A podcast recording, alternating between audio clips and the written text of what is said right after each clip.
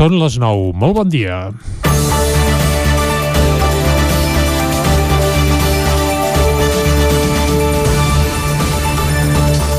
El Departament de Salut torna a fer testos massius per detectar asimptomàtics i ajudar a combatre d'aquesta manera el coronavirus. Aquesta nova estratègia del departament és una molt bona notícia, ja que els testos massius són una de les principals armes que els epidemiòlegs demanen per activar eh, i fer front a la pandèmia. A principis d'aquesta segona onada, els cribratges massius ja van passar pel territori 17 i van donar bons resultats a indrets com Sant Joan de les Abadesses, on se'n van fer a principis de setembre. També se n'havien fet a finals d'agost a Vic i a finals de setembre a Manlleu, dues poblacions especialment afectades per la Covid. Aquest nou cribratge massiu arrenca avui mateix a Vic i dijous i divendres es farà també a Manlleu. Durant aquest mes de desembre, a més, també se'n faran a Torelló i a Roda de Ter, un poble aquest últim especialment afectat a causa de dos brots que es van detectar ja fa unes setmanes, això sí, a la residència de Camp Planoles i a l'Institut Miquel Martí i Pol. Respecte als cribratges massius que es van fer a Sant Joan, Vic o Manlleu ja fa setmanes, aquests d'ara arriben amb novetats i és que no es faran amb proves PCR sinó amb testos ràpids d'antígens de manera que les persones que hi acudeixin sabran els resultats al cap de només un quart d'hora o 20 minuts. Si volem tenir unes festes de Nadal relativament relativament tranquil·les, no n'hi ha prou amb restriccions i apel·lacions a la responsabilitat individual de tots plegats, sinó que és important disposar d'eines efectives que permetin, sobretot, detectar positius asimptomàtics. Cribratges massius com el que es farà a partir d'avui mateix a Vic, doncs, poden ser claus per aturar el coronavirus. Si, parafrejant Raimon, que precisament demà farà 80 anys, volem dir no al coronavirus, i hem de posar de la nostra part, i tant, però des dels governs també han de posar tota la carn a la graella i fer testos massius és una molt bona manera d'assegurar que quan arribi Nadal puguem compartir neules i torrons amb algú més que la nostra parella o els nostres fills. Comencem Territori 17 a la sintonia de la veu de Sant Joan, Ona Codinenca, Ràdio Cardedeu, el 9 FM i el 9 TV. Territori 17, amb Vicenç Vigues i Jordi Sunyer.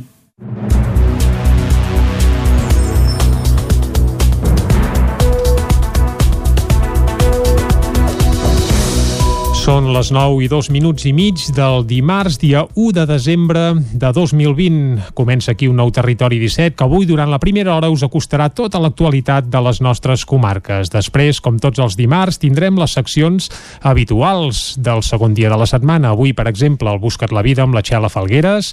També parlarem d'economia amb el Joan Carles Arredondo i avui acabarem parlant de meteorologia acompanyats de Manel Dot, amb qui farem un repàs meteorològic de com va ser el mes de novembre novembre, un mes, això sí, amb temperatures bastant per sobre del que és habitual. Això ho repassarem a la part final d'un territori 17 que ara arrenquem, com sempre, fent un repàs a l'actualitat de les nostres comarques, les comarques del Ripollès, Osona, el Moianès i el Vallès Oriental.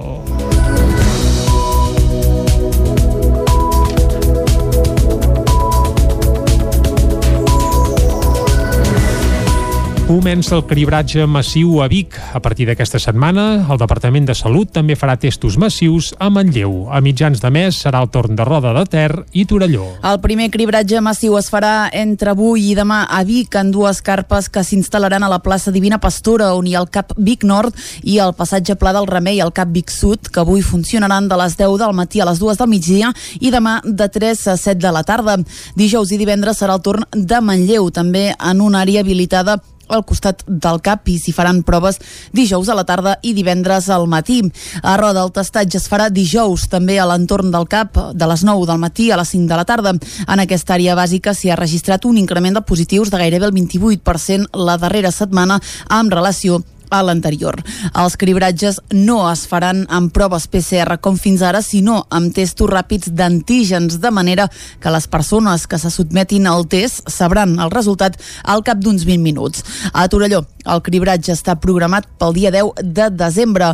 D'altra banda, a les residències de gent gran de Cantoni Gros i l'Esquirol hi ha hagut positius de coronavirus les darreres setmanes, 10 residents i 7 treballadors a Cantoni Gros i 18 casos a l'Esquirol. Cap ha requerit hospitalització.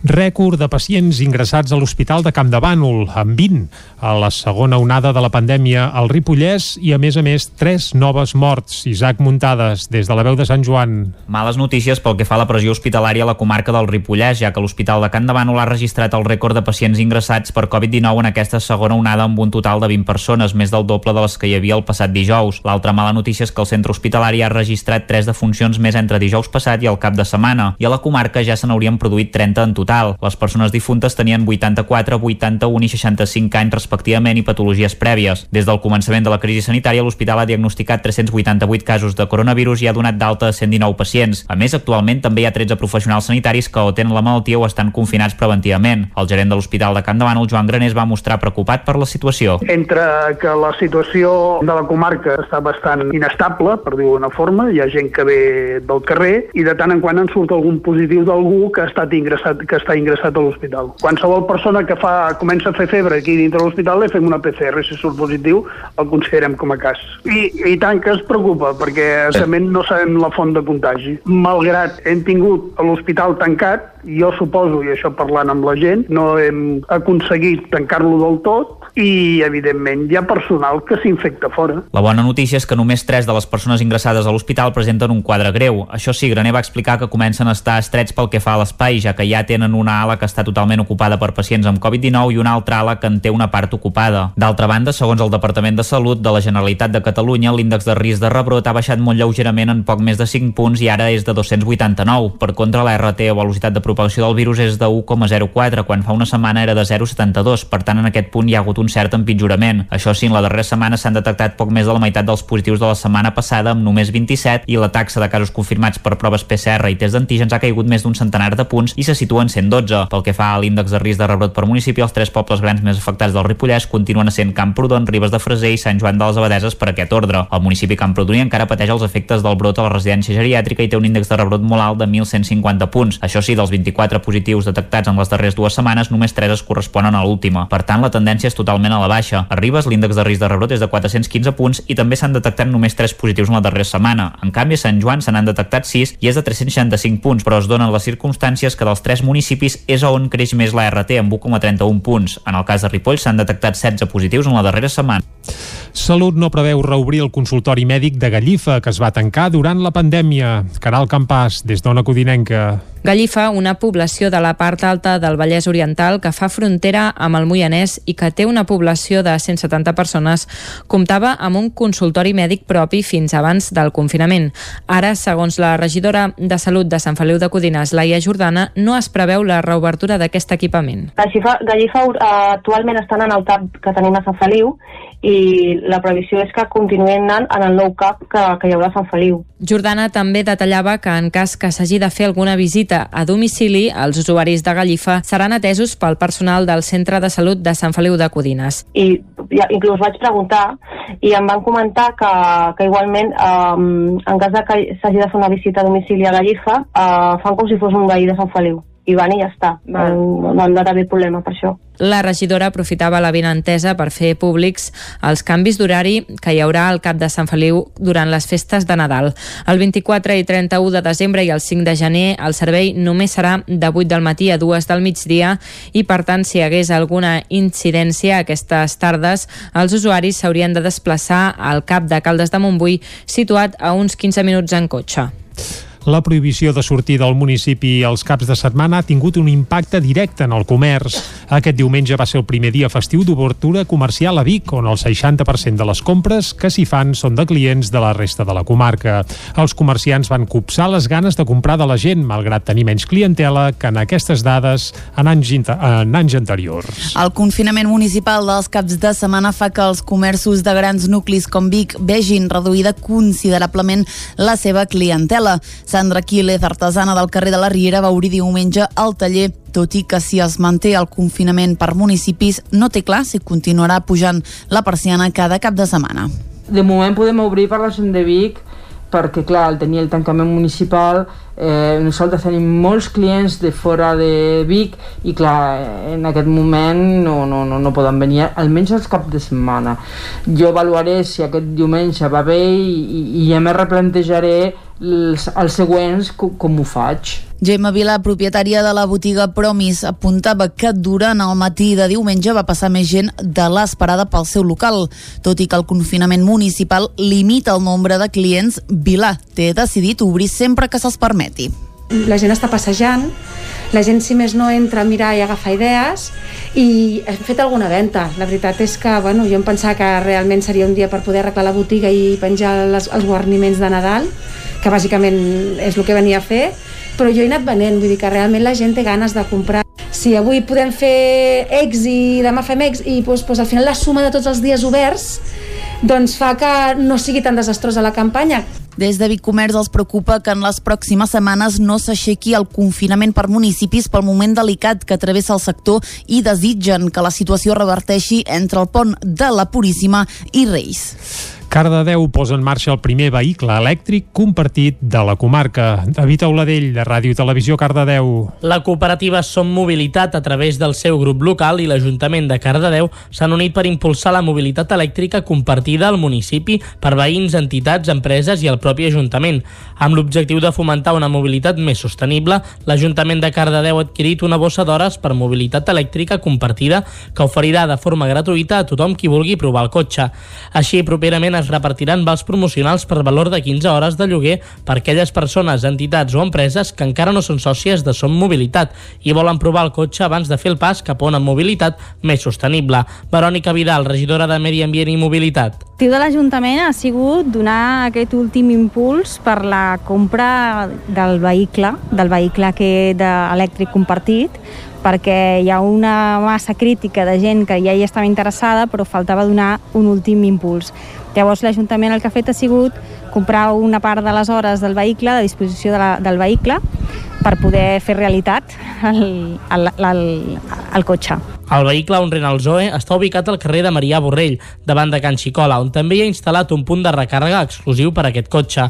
Persones sòcies de Som Mobilitat ja s'han apropat per provar-lo i reservar hores. Jordi Ortiz, usuari de cotxe elèctric de Som Mobilitat. Servir aquest cotxe segurament doncs, per eh, necessitats puntuals, jo que sé, d'anar a comprar fora de Cardedeu, o que he de fer alguna, alguna càrrega de material o el que sigui. També la meva dona també el farà servir, ella és, és, és contacontes, llavors pues, si té algun, alguna actuació pues, per la comarca o això. Però com ho hem de fer si volem comprar hores per utilitzar aquest vehicle? Arnau Vilardell, membre de l'equip tècnic de Som Mobilitat. El procediment que hem construït entre tots, d'una forma col·lectiva, és molt senzill. T'has de fer soci de la cooperativa, és una aportació obligatòria de 10 euros, que si acabes marxant del projecte te'ls retornem, una única vegada i un cop tens, ets soci et descarregues l'app, et registres i a partir dels teus usos vas pagant tot està automatitzat, tot és app, tot és facturació automatitzada i per tant superfàcil i super senzill. Amb aquesta iniciativa es referma el compromís de fer de Cardedeu un municipi més sostenible i promoure un model de mobilitat en què es prioritzin els desplaçaments a peu, en bicicleta o transport públic i alhora oferint una alternativa sostenible al vehicle privat de combustió. El de la sala a la Canal de Tona és un dels pocs escenaris d'Osona que aquest cap de setmana ha reprès l'activitat cultural. Una trentena de persones omplien aquest diumenge el pati de butaques del Teatre Tonenc, coincidint amb l'estrena de Vers per on, el nou espectacle familiar de la companyia Pentina el Gat. Diumenge la companyia Pentina el Gat presentava el seu nou espectacle Vers per on a la sala a la Canal de Tona, un muntatge basat en poemes de la manlleuenca Núria Freixa que van interpretar els músics Pol Soler, Sama competència i el bateria usonenc Jeff Bill amb la participació de l'actriu Sílvia Pérez que va portar el pes narratiu de l'espectacle. Vers per on és el desè espectacle de la companyia i el més ambiciós. Sota la direcció de Xavi Torres, els quatre intèrprets presentaven els textos de Freixa en format de cançó. Pantin el Gat havia d'estrenar aquest muntatge el passat mes d'abril a la mostra d'Igualada, però les circumstàncies derivades de la Covid-19 l'han fet ajornar fins ara. Des de l'inici de la pandèmia, el grup tampoc ha pogut actuar en el circuit escolar, que és on habitualment es mou. Esperen tornar-hi a principis de l'any 2021, tot i que amb un canvi considerable. En lloc de fer venir els alumnes al teatre, ara seran ells qui es desplaçaran als centres educatius.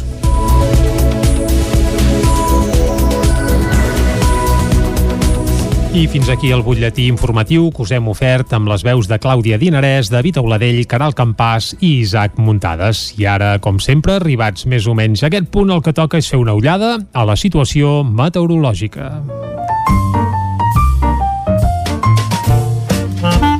Casa Terradellos us ofereix el temps. I a Territori 17 parlar del temps és sinònim de parlar amb el Pep Acosta, qui saludem ara mateix. Molt bon dia, Pep.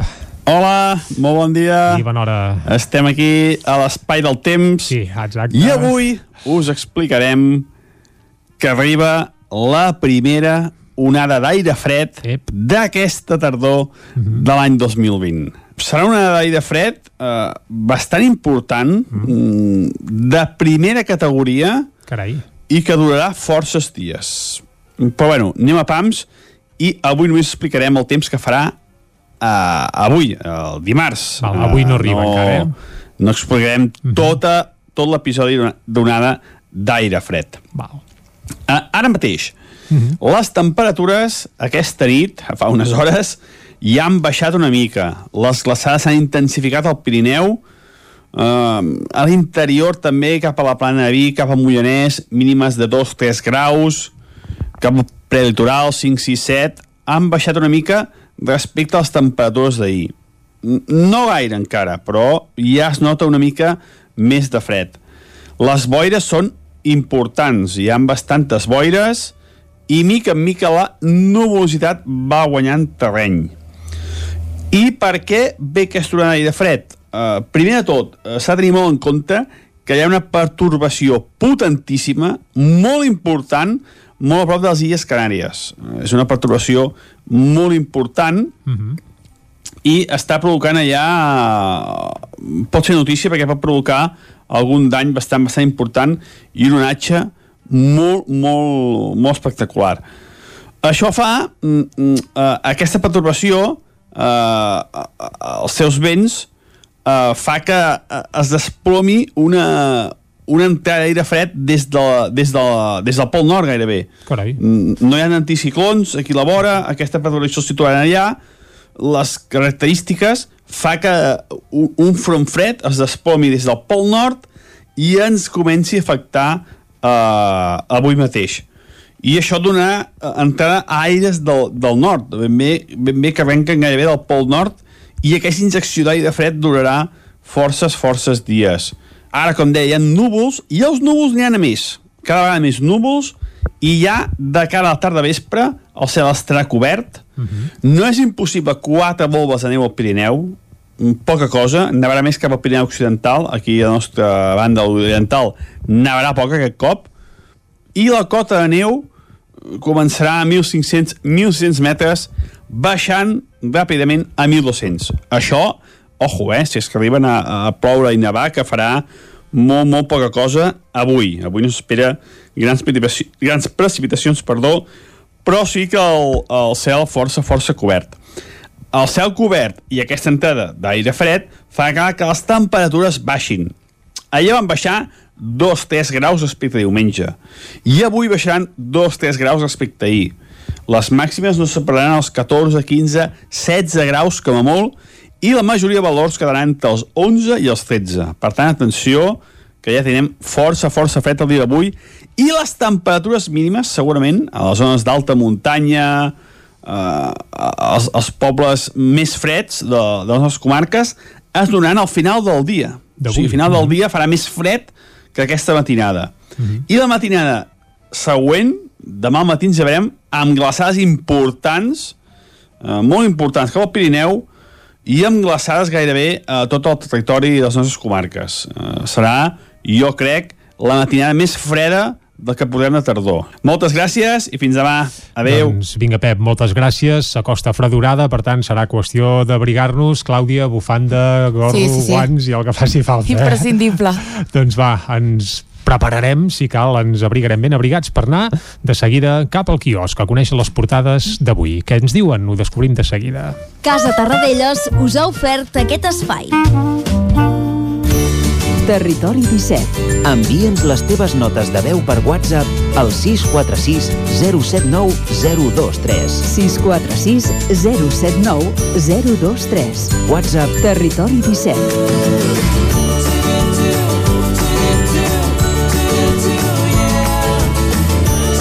Territori 17. Som a Facebook, Twitter i Instagram amb l'usuari Territori 17.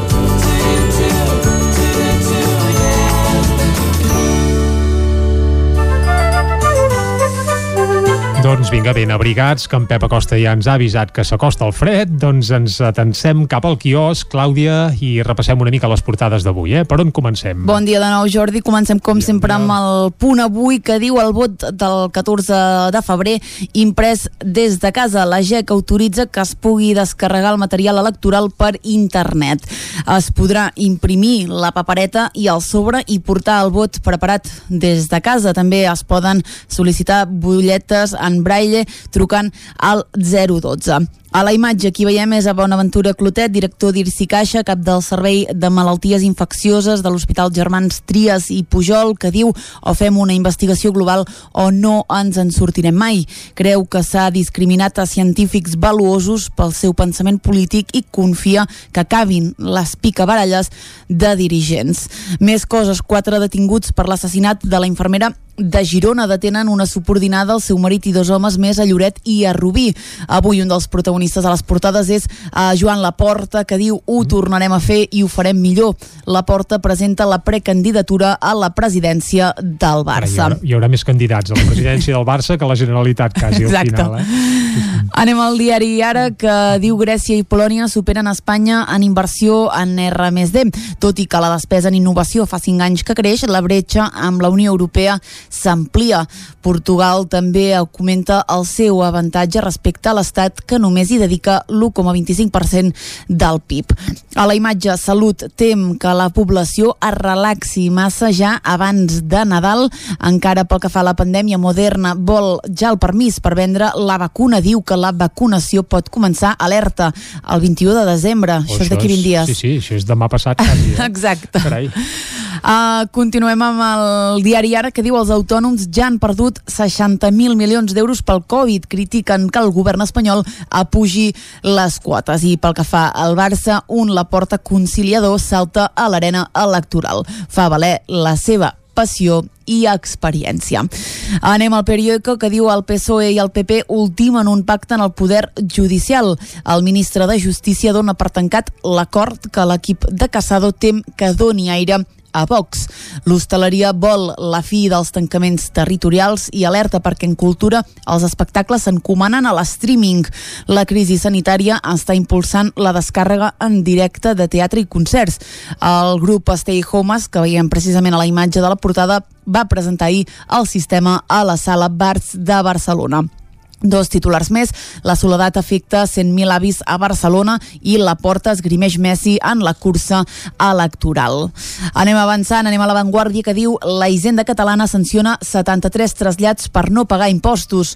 Els canvis de residència per eludir patrimoni es van fer entre el 2015 i el 2019 i l'agència tributària ha recuperat 55 milions. A la imatge assassinat per control remot a l'Iran. En parlarem eh, de nou a les portades espanyoles. Encara a l'avantguàrdia, homenatge del Congrés a Lluc en un acte amb Bildu. Els experts avisen de l'alt risc de contagi del pont i alerta el temporal torna a trencar el trabucador del Delta. Que estrany, eh? El Delta, pobre, que, que vaja, cada llevantada, cada llevantada que arriba, rep. Uh, Doncs sí. Sí, això, això sembla. Més portades, va, anem cap a les d'àmbit estatal. Exacte, anem directe a Madrid. Comencem el mal país, que parla de la segona onada de la pandèmia de coronavirus. Diu, el novembre deixa 300 morts al dia, la pitjor dada des del mes d'abril. Andalusia, Aragó, Astúries i Múrcia registren el seu màxim de morts. A la imatge, Iran afirma que el científic del seu programa nuclear va ser matrallat per control remot. Ja us avançava a l'avantguàrdia que en tornaríem a parlar, doncs aquí ho tenim. Uh, més coses, diu nou hospital, 13% de la plantilla. Ayuso inaugura avui l'Isabel Zendal a la quarta part de la seva capacitat prevista. Encara en política, Iglesias pressiona per indultar tan aviat com pugui els presos del procés i desmantellat el campament per migrants d'Arguineguín. Seria una altra de les notícies del dia, tot i que Jordi no apareix pràcticament a les portades espanyoles. Anem al Mundo, que diu Europa nega haver perdut a Sánchez... A, a, perdone, perdoneu, ara sí, Europa... Ha perdut, estaria bé, bé o no, no sé, això tothom que ho interpreti com vulgui. Ara ho diré bé, eh? Diu Va, Europa ja, ja. nega haver demanat, ara sí, a Sánchez reformar la sedició. A la imatge hi veiem a la reina, que feia molts dies que no la veiem, que la diu... La reina, la Letícia. Exacte, la Letícia, sí, sí. A Leti. A la Leti. Que reclama una Espanya forta davant de la pandèmia. En política, Esquerra i Bildu avisen que seran més exigents per avançar en la independència i alerta perquè avui el Mundo ha parlat amb el director d'operacions de Moderna, Uh, ara mateix és l'empresa doncs, um, que tothom uh, té la mirada posada. Diu als Estats Units valorarà la seva aprovació el dia 17 de desembre i doncs el director d'operacions diu uh, tindrem dosis de la vacuna al gener si hi ha llum verda aquest mes de desembre anem avançant, anem a la raó que diu Esquerra i Bildu passen la factura a Sánchez. Referèndum legal adverteixen que el sí als pressupostos passa per una solució històrica pactada. Catalunya serà el termòmetre del pols de la dreta a la legislatura i a la imatge de la Razón sí que veiem uh, Arguineguín diu interior borra els immigrants de la foto literalment amb la mateixa foto doncs abans i després de que eh, doncs es desallotgessin aquestes persones en aquest camp eh, d'Arguineguin.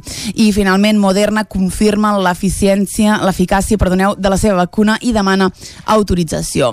I finalment acabem amb l'ABC, que avui mhm. exacte, obre amb un primer pla de Fernando Simón, amb una imatge doncs, tot preocupat, diu Sanitat ja no podrà amagar més al seu comitè d'experts. Transparència li dona 10 dies perquè digui els noms dels tècnics del Ministeri perquè contribueixi al control de l'activitat pública.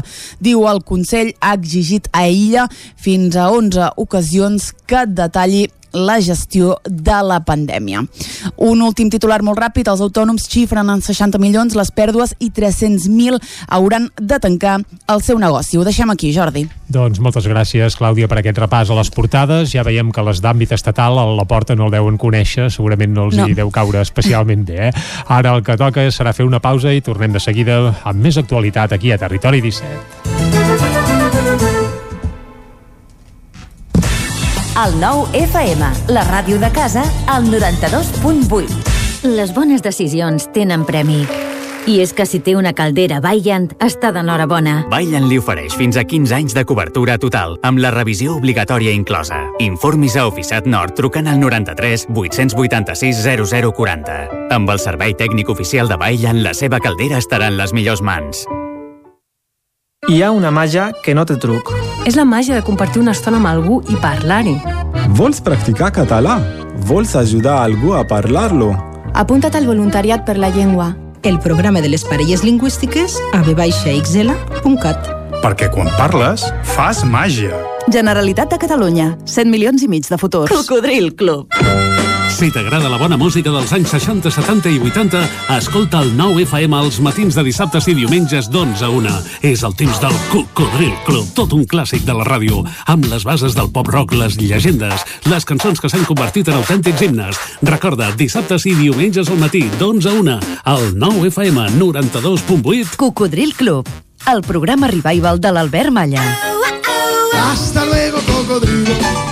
Cobertes serveis funeraris els nostres tanatoris estan ubicats en els nuclis urbans més poblats de la comarca d'Osona per oferir un millor servei. Tanatori de Vic, Tanatori de Manlleu, Tanatori de Centelles i Tanatori de Roda de Ter. Sabem que són moments difícils i per això el nostre compromís és atendre-us en tot moment amb un tracte humà, sensible i respectuós. Cobertes serveis funeraris. Telèfon 24 hores 93 883 23 46. Anuncia't al 9FM. La màquina de casa. 9 3 8 8 9 4 9 4 9. Publicitat arroba al 9FM.cat. Anuncia't al 9FM. La publicitat més eficaç. A Calefaccions Pradell som experts en osmosi inversa, substitució de calderes de gas, estufes de pèl·lets, calderes de condensació, energia solar, calefacció, terres radiants, calderes de gas, geotèrmia... Si busques experiència, qualitat i professionalitat, no dubtis en confiar en nosaltres. Calefaccions Pradell, telèfon 93 885 11 97. Ah, i ara informa't del Pla Renova't. Calefaccions Pradell us desitja bon Nadal i feliç 2012. Tens joies o rellotges que vols rendibilitzar? Demana una valoració gratuïta a Comprem Or, especialistes en la compra de joies, diamants i rellotges. T'ofereixen transparència, discreció i la màxima taxació. Troba la teva botiga a compremor.com o truca al 938 101 342.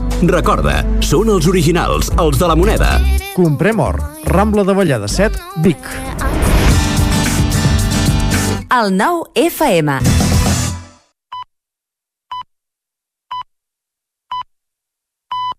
Territori 17, amb Vicenç Vigues i Jordi Sunyer.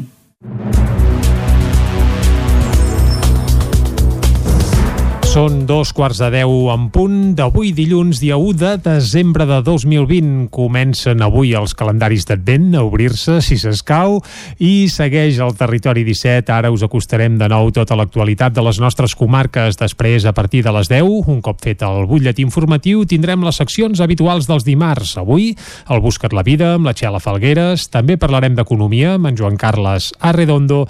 I avui acabarem parlant de meteorologia amb el Manel Dot, amb qui farem un de com va ser el mes de novembre que ahir vam deixar enrere meteorològicament parlant. També li farem un apunt sobre aquesta gota freda que sembla que s'acosta. El Pepa Costa ja ens ha avisat prou que s'acosta una fredurada important. Ara, però, el que toca, com sempre, és acostar-vos de nou tota l'actualitat de les nostres comarques. Ja ho sabeu, les comarques del Ripollès, Osona, el Moianès i el Vallès Oriental.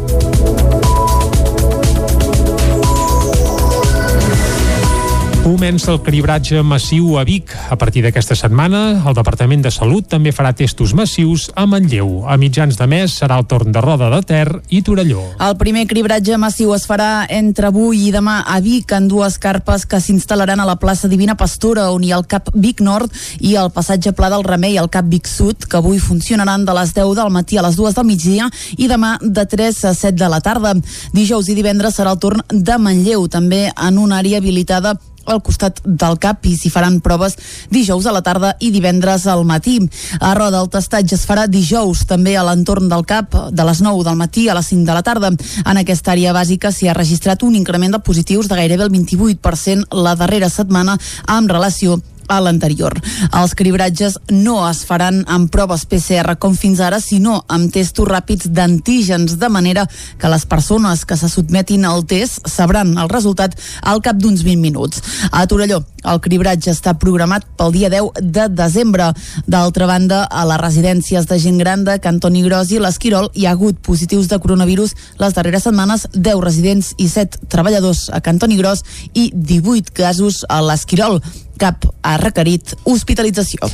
Rècord de pacients ingressats a l'Hospital de Camp de Bànol, amb 20, a la segona onada de la pandèmia al Ripollès i, a més a més, tres noves morts. Isaac Muntades, des de la veu de Sant Joan. Males notícies pel que fa a la pressió hospitalària a la comarca del Ripollès, ja que l'Hospital de Camp de Bànol ha registrat el rècord de pacients ingressats per Covid-19 en aquesta segona onada amb un total de 20 persones, més del doble de les que hi havia el passat dijous. L'altra mala notícia és que el centre hospitalari ha registrat tres defuncions més entre dijous passat i el cap de setmana, i a la comarca ja se n'haurien produït 30 en total. Les persones difuntes tenien 84, 81 i 65 anys respectivament i patologies prèvies. Des del començament de la crisi sanitària, l'hospital ha diagnosticat 388 casos de coronavirus i ha donat d'alta a 119 pacients. A més, actualment també hi ha 13 professionals sanitaris que o tenen la malaltia o estan confinats preventivament. El gerent de l'Hospital de Can Davant, el Joan Granés, va mostrar preocupat per la situació. Entre que la situació de la comarca està bastant inestable, per dir-ho d'una forma, hi ha gent que ve del carrer i de tant en quant en surt algun positiu d'algú que ha estat ingressat, que està ingressat a l'hospital. Qualsevol persona que fa,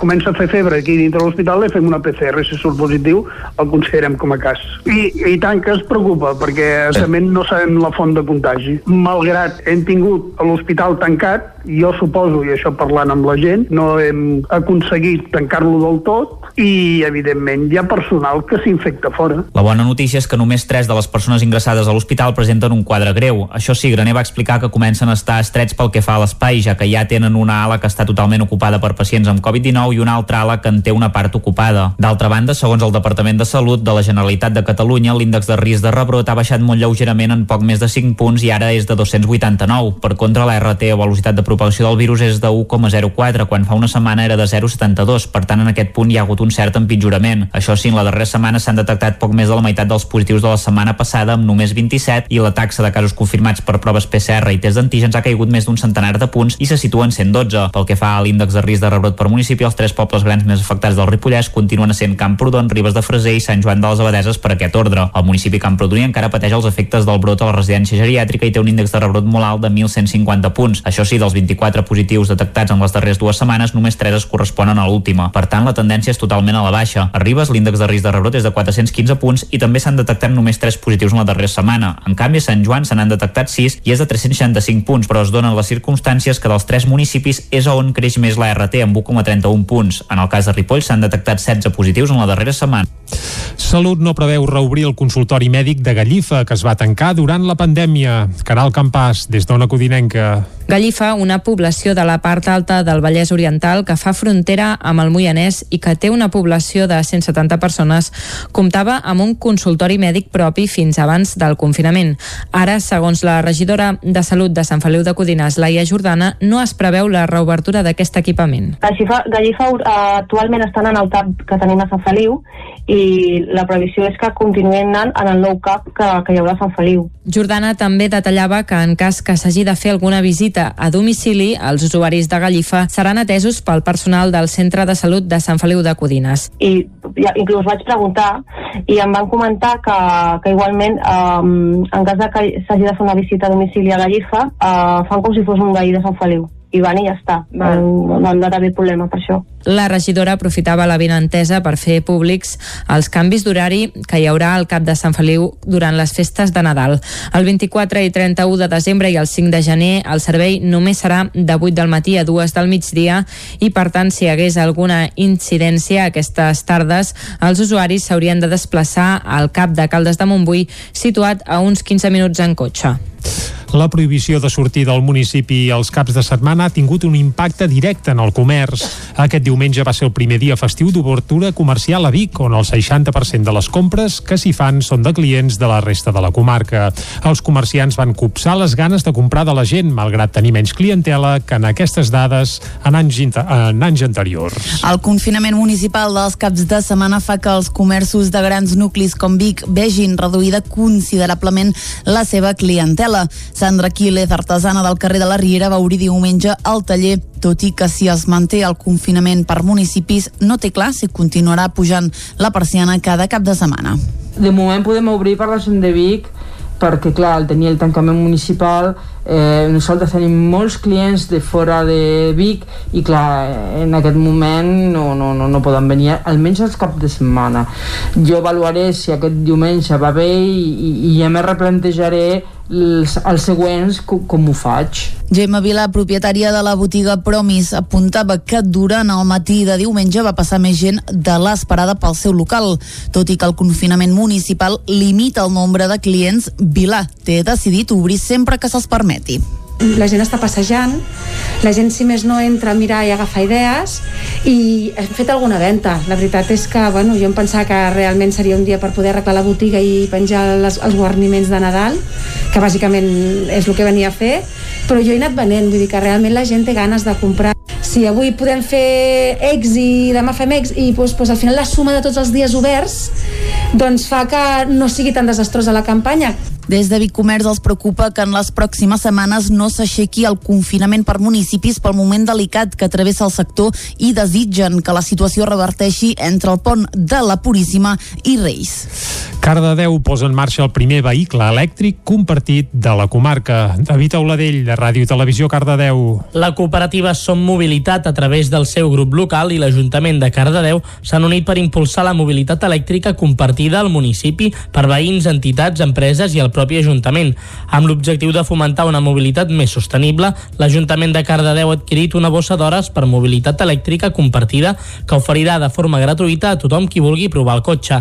Així, properament es repartiran vals promocionals per valor de 15 hores de lloguer per aquelles persones, entitats o empreses que encara no són sòcies de Som Mobilitat i volen provar el cotxe abans de fer el pas cap a una mobilitat més sostenible. Verònica Vidal, regidora de Medi Ambient i Mobilitat. L'objectiu de l'Ajuntament ha sigut donar aquest últim impuls per la compra del vehicle, del vehicle que de elèctric compartit, perquè hi ha una massa crítica de gent que ja hi estava interessada, però faltava donar un últim impuls.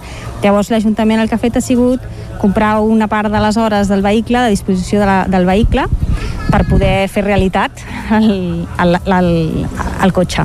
El vehicle on Renault Zoe està ubicat al carrer de Marià Borrell, davant de Can Xicola, on també hi ha instal·lat un punt de recàrrega exclusiu per a aquest cotxe. Persones sòcies de Som Mobilitat ja s'han apropat per provar-lo i reservar hores. Jordi Ortiz, usuari de cotxe elèctric de Som Mobilitat. Ha de servir aquest cotxe segurament pues, per eh, necessitats puntuals, jo que sé, d'anar a comprar fora de Cardedeu, o que he de fer alguna, alguna càrrega de material o el que sigui. També la meva dona també el farà servir, ella és, és, és contacontes, llavors pues, si té algun, alguna actuació pues, per la comarca o això. Però com ho hem de fer si volem comprar hores per utilitzar aquest vehicle? Arnau Vilardell, membre de l'equip tècnic de Som Mobilitat. El procediment que hem construït entre tots, d'una forma col·lectiva, és molt senzill. T'has de fer soci de la cooperativa, és una aportació obligatòria de 10 euros, que si acabes marxant de, del projecte te'ls retornem, una única vegada i un cop tens, ets soci et descarregues l'app, et registres i a partir dels teus usos vas pagant tot està automatitzat, tot és app, tot és facturació automatitzada i per tant superfàcil i supersenzill. Amb aquesta iniciativa es referma el compromís de fer de Cardedeu un municipi més sostenible i promoure un model de mobilitat en què es prioritzin els desplaçaments a peu, en bicicleta o transport públic i alhora oferint una alternativa sostenible al vehicle privat de combustió. El de la sala a la Canal de Tona és un dels pocs escenaris d'Osona que aquest cap de setmana ha reprès l'activitat cultural. Una trentena de persones omplien aquest diumenge el pati de butaques del Teatre Tonenc, coincidint amb l'estrena de Vers per on, el nou espectacle familiar de la companyia Pantina el Gat. Diumenge la companyia Pantina el Gat presentava el seu nou espectacle Vers per on a la sala a la Canal de Tona, un muntatge basat en poemes de la manlleuenca Núria Freixa que van interpretar els músics Pol Soler, Sama competència i el bateria usonenc Jeff Bill amb la participació de l'actriu Sílvia Pérez que va portar el pes narratiu de l'espectacle. Vers per on és el desè espectacle de la companyia i el més ambiciós. Sota la direcció de Xavi Torres, els quatre intèrprets presentaven els textos de Freixa en format de cançó. Pantin el Gat havia d'estrenar aquest muntatge el passat mes d'abril a la mostra d'Igualada, però les circumstàncies derivades de la Covid-19 l'han fet ajornar fins ara. Des de l'inici de la pandèmia, el grup tampoc ha pogut actuar en el circuit escolar, que és on habitualment es mou. Esperen tornar-hi a principis de l'any 2021, tot i que amb un canvi considerable. En lloc de fer venir els alumnes al teatre, ara seran ells qui es desplaçaran als centres educatius.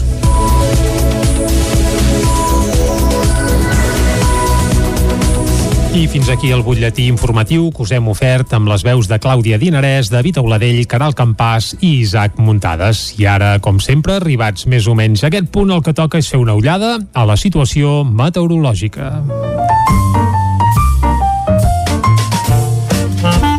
Casa Terradellos us ofereix el temps. I a Territori 17 parlar del temps és sinònim de parlar amb el Pep Acosta, qui saludem ara mateix. Molt bon dia, Pep. Hola, molt bon dia. I bona hora. Estem aquí a l'espai del temps. Sí, exacte. I avui us explicarem que arriba la primera onada d'aire fred d'aquesta tardor Mhm. -huh. de l'any 2020. Serà una onada d'aire fred eh, bastant important, Mhm. -huh. de primera categoria Carai. I que durarà forces dies.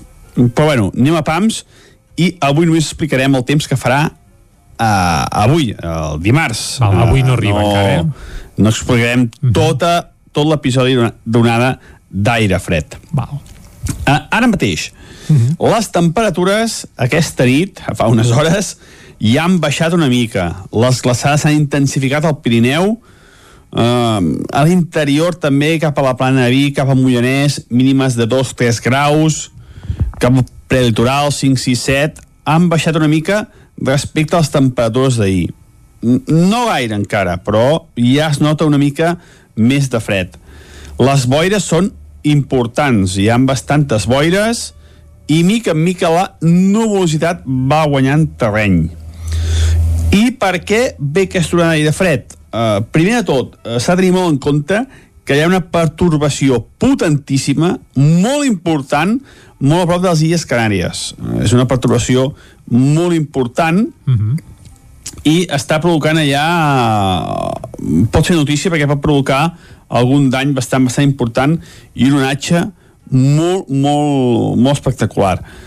Això fa mm, mm, uh, aquesta perturbació uh, uh, els seus vents uh, fa que uh, es desplomi una, una entrada d'aire fred des, de, des, de, des del Pol Nord gairebé. Carai. Mm, no hi ha anticiclons aquí a la vora, aquesta perturbació es situarà allà, les característiques fa que un, front fred es desplomi des del Pol Nord i ens comenci a afectar eh, avui mateix i això donarà uh, entrada a aires del, del nord ben bé, ben bé que arrenquen gairebé del Pol Nord i aquesta injecció d'aire fred durarà forces, forces dies.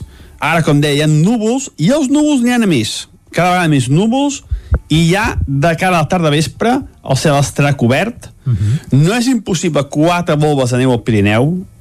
Poca cosa, nevarà més cap al Pirineu Occidental, aquí a la nostra banda oriental nevarà poc aquest cop, i la cota de neu començarà a 1.500, 1.600 metres, baixant ràpidament a 1.200. Això, ojo, eh, si és que arriben a, a ploure i nevar, que farà molt, molt poca cosa avui. Avui no s'espera grans, grans precipitacions, perdó, però sí que el, el cel força, força cobert.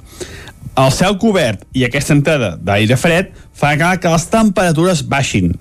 Ahir van baixar 2-3 graus respecte a diumenge. I avui baixaran 2-3 graus respecte a ahir.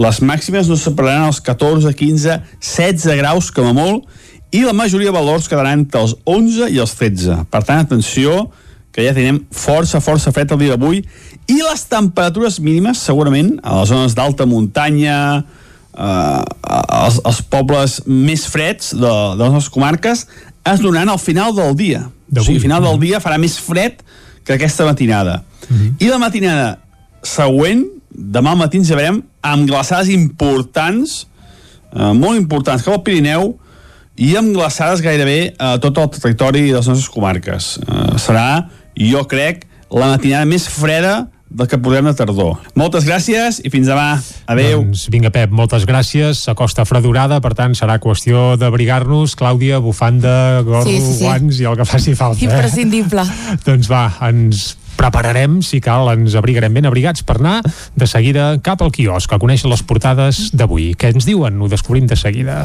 Casa Tarradellas us ha ofert aquest espai. Territori 17. Envia'ns les teves notes de veu per WhatsApp al 646 079 023. 646 079 023. WhatsApp Territori 17.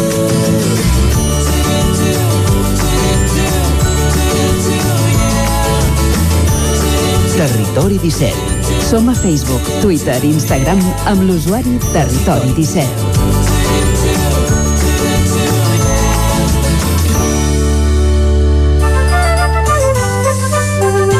Doncs vinga, ben abrigats, que en Pep Acosta ja ens ha avisat que s'acosta el fred, doncs ens atensem cap al quiosc, Clàudia, i repassem una mica les portades d'avui, eh? Per on comencem? Bon dia de nou, Jordi. Comencem, com sempre, amb el punt avui que diu el vot del 14 de febrer imprès des de casa. La GEC autoritza que es pugui descarregar el material electoral per internet.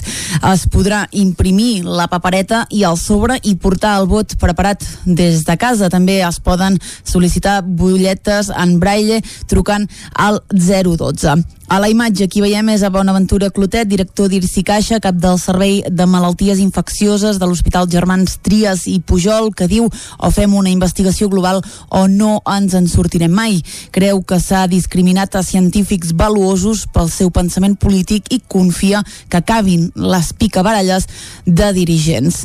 Més coses, quatre detinguts per l'assassinat de la infermera de Girona detenen una subordinada, el seu marit i dos homes més a Lloret i a Rubí. Avui un dels protagonistes a les portades és a Joan Laporta, que diu ho tornarem a fer i ho farem millor. Laporta presenta la precandidatura a la presidència del Barça. Hi haurà, hi haurà més candidats a la presidència del Barça que a la Generalitat, quasi, Exacte. al final. Eh? Anem al diari Ara, que diu Grècia i Polònia superen Espanya en inversió en R+D. Tot i que la despesa en innovació fa 5 anys que creix, la bretxa amb la Unió Europea s'amplia. Portugal també augmenta el seu avantatge respecte a l'Estat, que només hi dedica l'1,25% del PIB. A la imatge, Salut tem que la població es relaxi massa ja abans de Nadal. Encara pel que fa a la pandèmia, Moderna vol ja el permís per vendre la vacuna. Diu que la vacunació pot començar alerta el 21 de desembre. O això és d'aquí 20 dies. Sí, sí, això és demà passat. Quasi, eh? Exacte. Carai. Uh, continuem amb el diari Ara que diu els autònoms ja han perdut 60.000 milions d'euros pel Covid. Critiquen que el govern espanyol apugi les quotes. I pel que fa al Barça, un la porta conciliador salta a l'arena electoral. Fa valer la seva passió i experiència. Anem al periòdico que diu el PSOE i el PP ultimen un pacte en el poder judicial. El ministre de Justícia dona per tancat l'acord que l'equip de Casado tem que doni aire a Vox. L'hostaleria vol la fi dels tancaments territorials i alerta perquè en cultura els espectacles s'encomanen a l'streaming. La crisi sanitària està impulsant la descàrrega en directe de teatre i concerts. El grup Stay Homes, que veiem precisament a la imatge de la portada, va presentar ahir el sistema a la sala Bars de Barcelona. Dos titulars més. La soledat afecta 100.000 avis a Barcelona i la porta esgrimeix Messi en la cursa electoral. Anem avançant, anem a l'avantguàrdia que diu la Hisenda catalana sanciona 73 trasllats per no pagar impostos.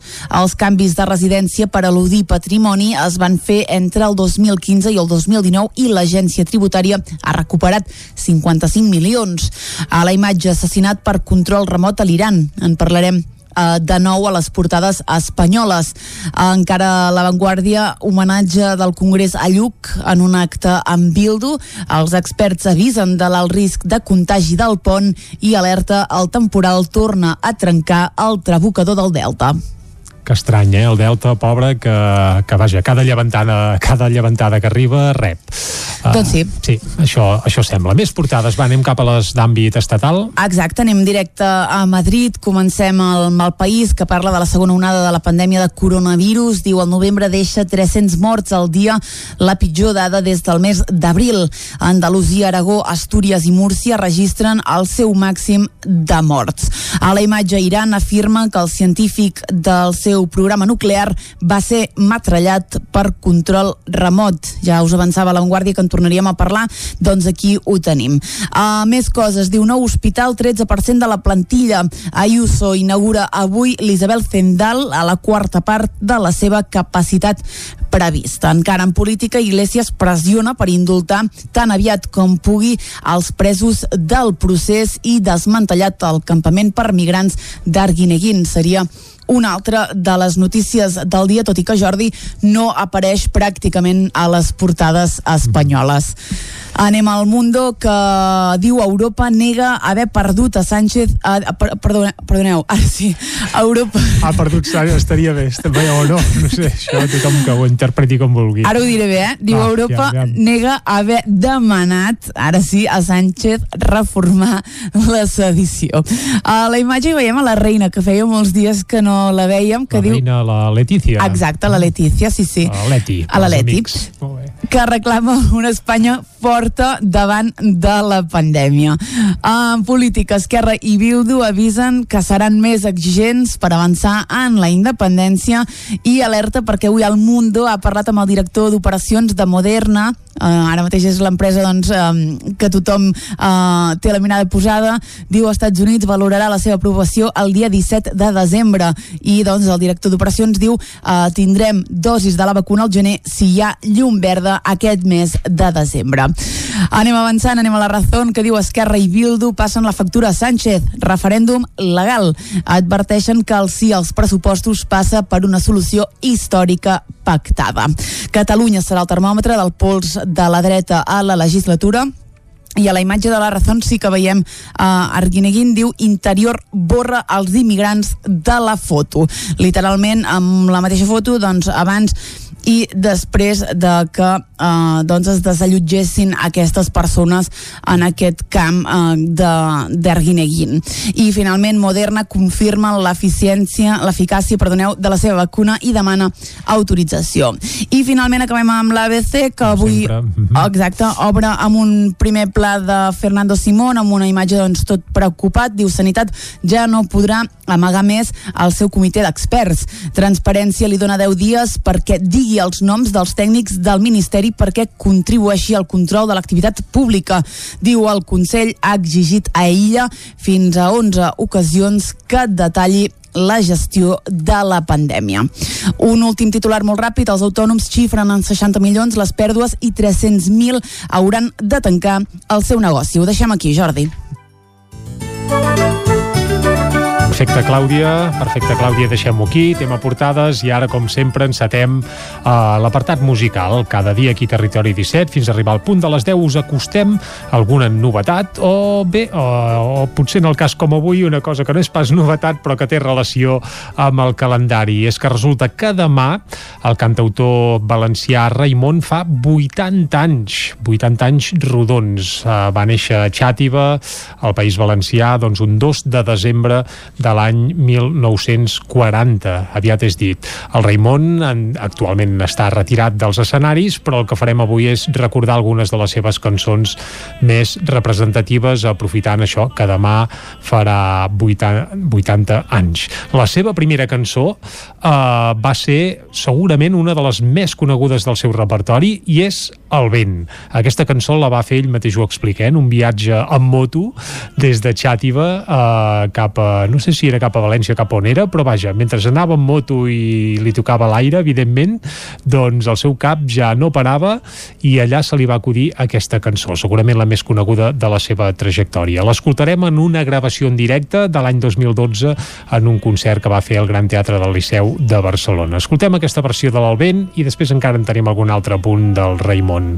Escoltem l'Albent. al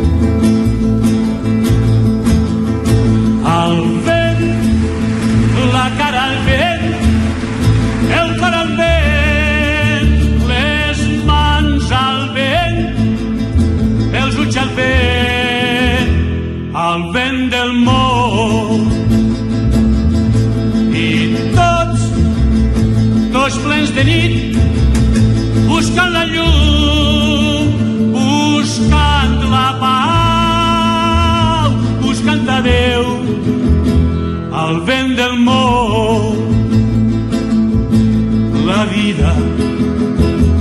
dona penes i al naixer és un gran flor. La vida pot ser plor, però nosaltres al vent, la cara al vent, el cor al vent, les mans al vent, els ulls al vent, al vent del món. I tots, tots plens de nit, buscant la llum, buscant la pau, buscant a Déu, al vent del món, buscant a Déu,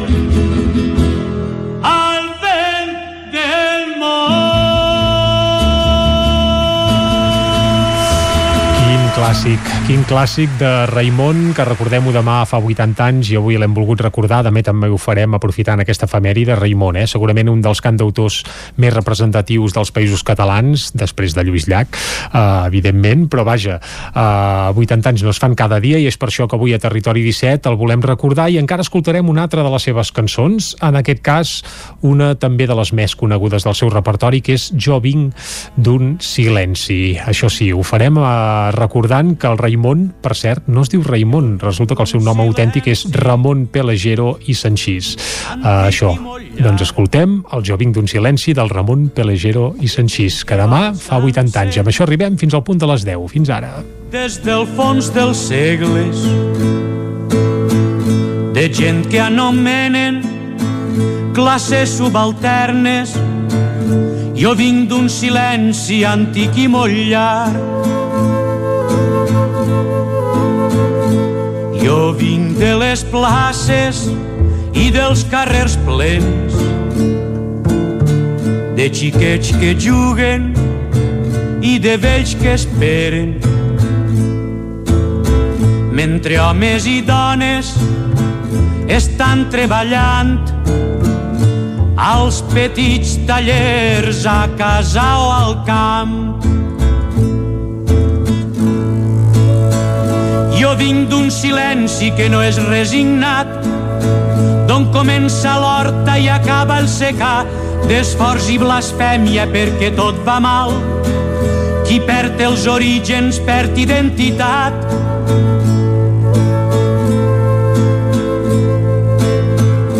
Jo vinc d'un silenci antic i molt llarg de gent sense místics ni grans capitans que viuen i moren en l'anonimat que en frases solemnes no han cregut mai.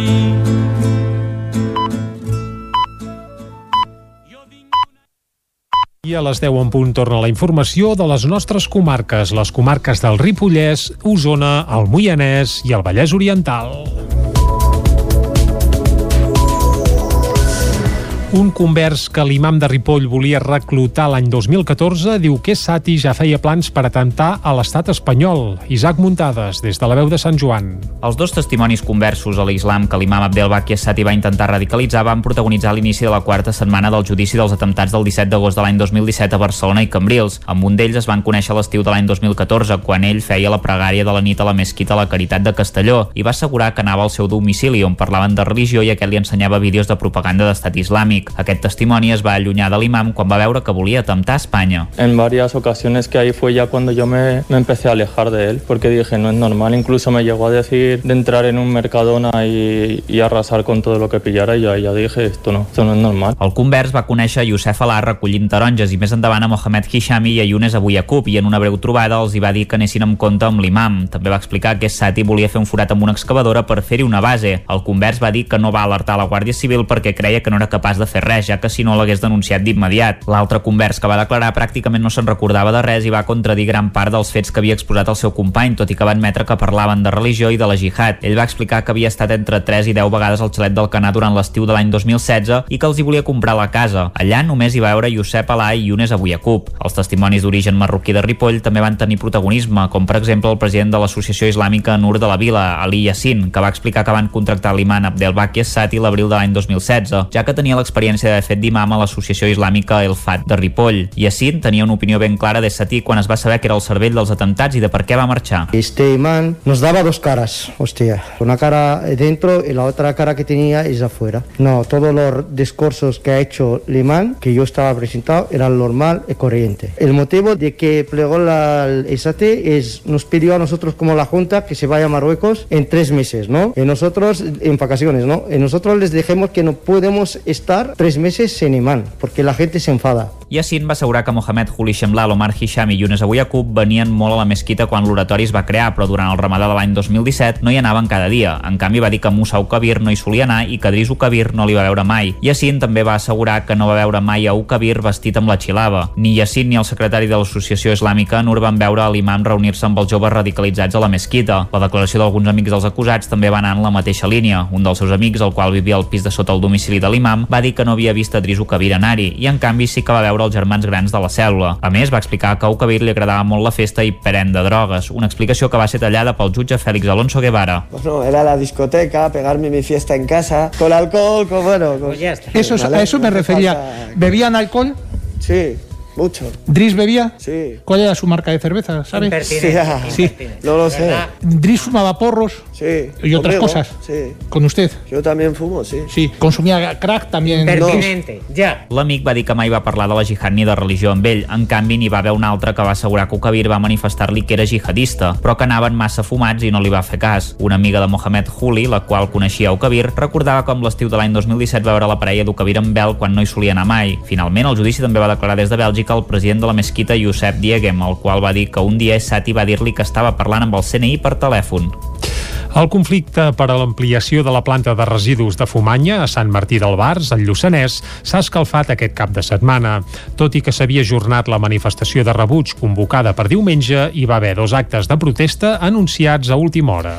Una cinquantena de persones es van concentrar aquest diumenge a l'aparcament de la Mola a l'entrada de Santa Creu de Jutglar per protestar contra l'ampliació de la planta de tractament de residus de Fumanya a Sant Martí del Bars, que ja fa anys que genera rebuig al Lluçanès per les pudors que desprèn.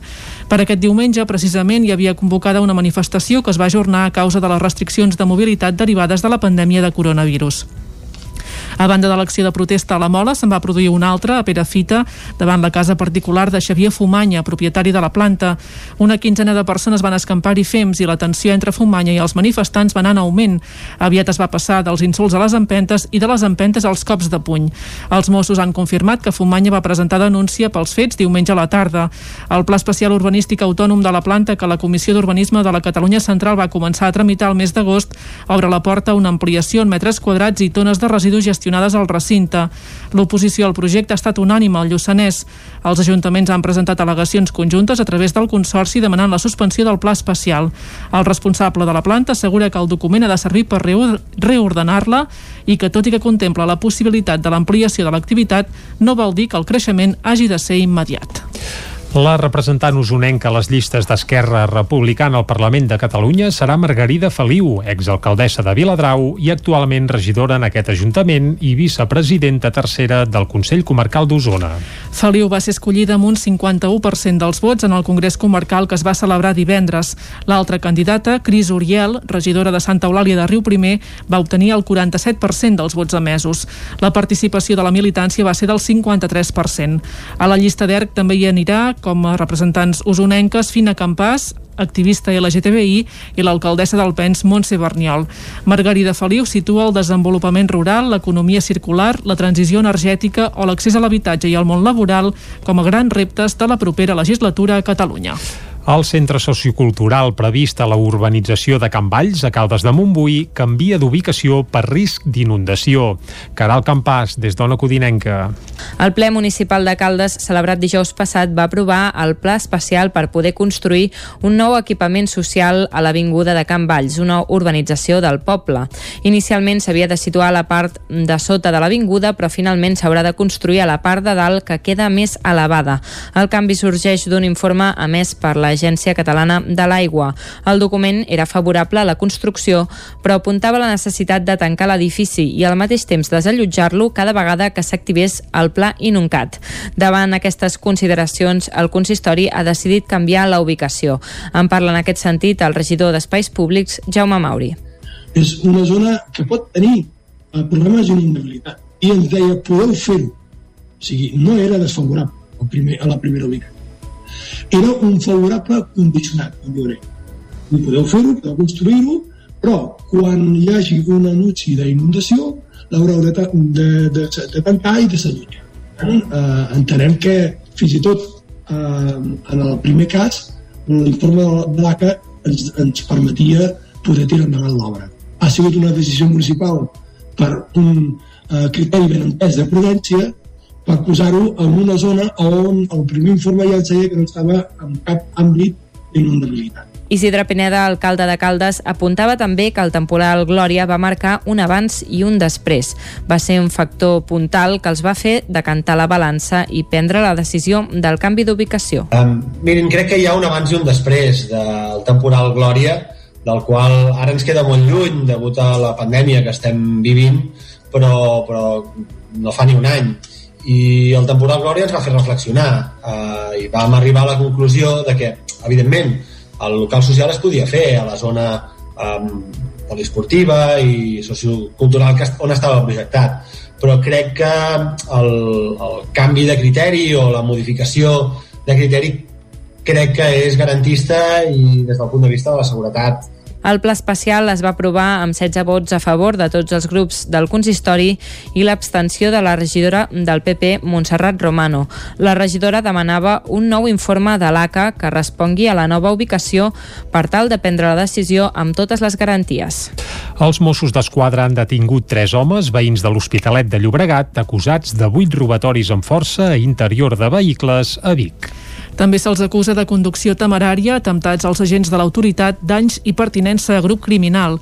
Dimecres passat, en el marc d'un dispositiu de vigilància i prevenció de robatoris, tant a cotxes com a domicilis, agents de paisà van veure un cotxe sospitós que va parar al costat d'una furgoneta de repartiment de paquets.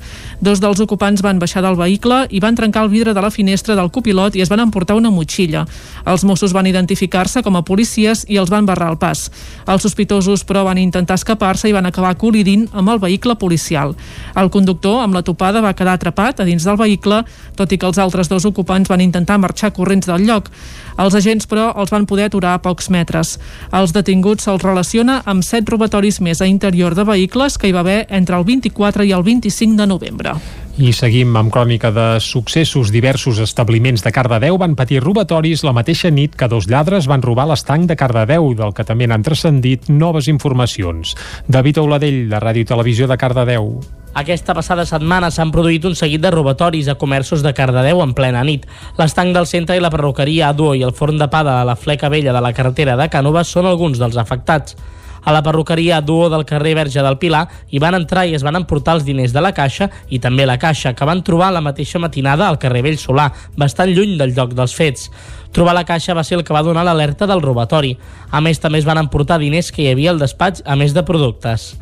El forn de pa de la Fleca Vella de la carretera de Cànoves també va patir un robatori. Van destrossar la caixa registradora i se la van emportar sencera. Aquesta onada de robatoris posa en alerta els veïns i comerciants del municipi del robatori de divendres a l'estanc del centre de Cardedeu, al contrari del que pot semblar encastar un cotxe a la persiana, en aquests moments els lladres intentaven sortir de l'interior de la botiga, ja que se'ls hi va baixar la persiana mentre robaven. Els lladres, tot i que van accedir a la botiga, van aconseguir escapar, però no van aconseguir entrar al magatzem. I fins aquí el butlletí informatiu que us hem ofert amb les veus de Natàlia Peix, Caral Campàs, David Auladell i Isaac Muntades. I ara el que toca, en aquesta hora, és refrescar la informació meteorològica. Per tant, de seguida, saludem de nou el Pep Acosta.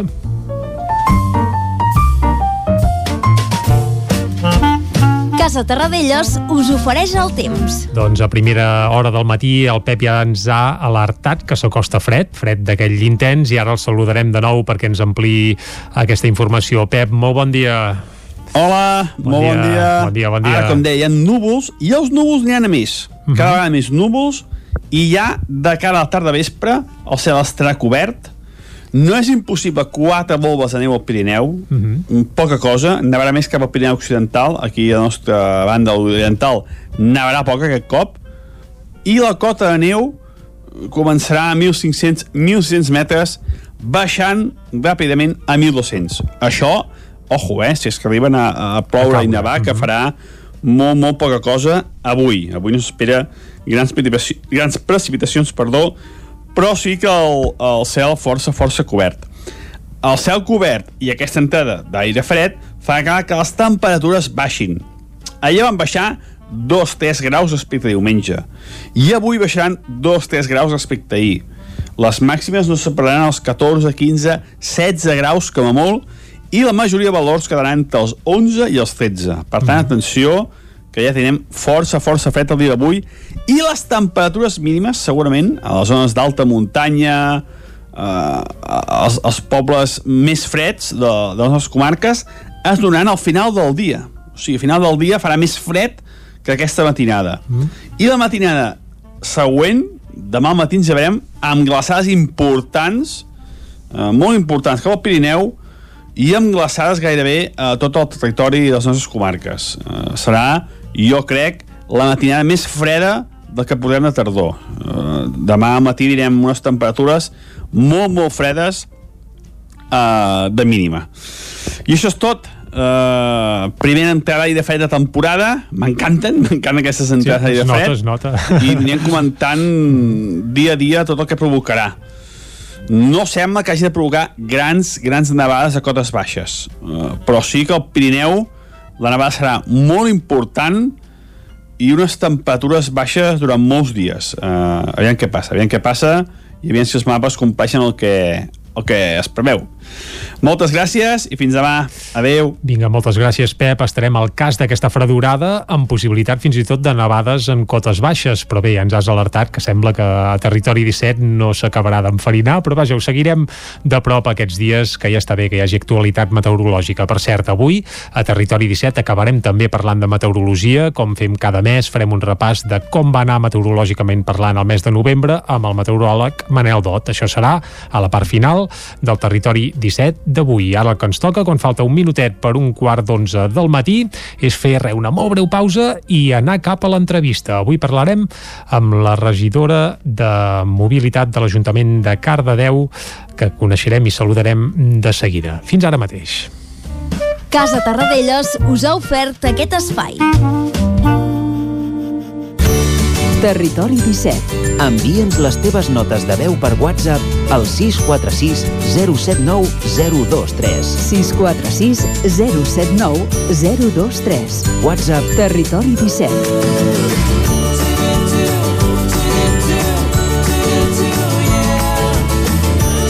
Territori 17. Som a Facebook, Twitter i Instagram amb l'usuari Territori 17.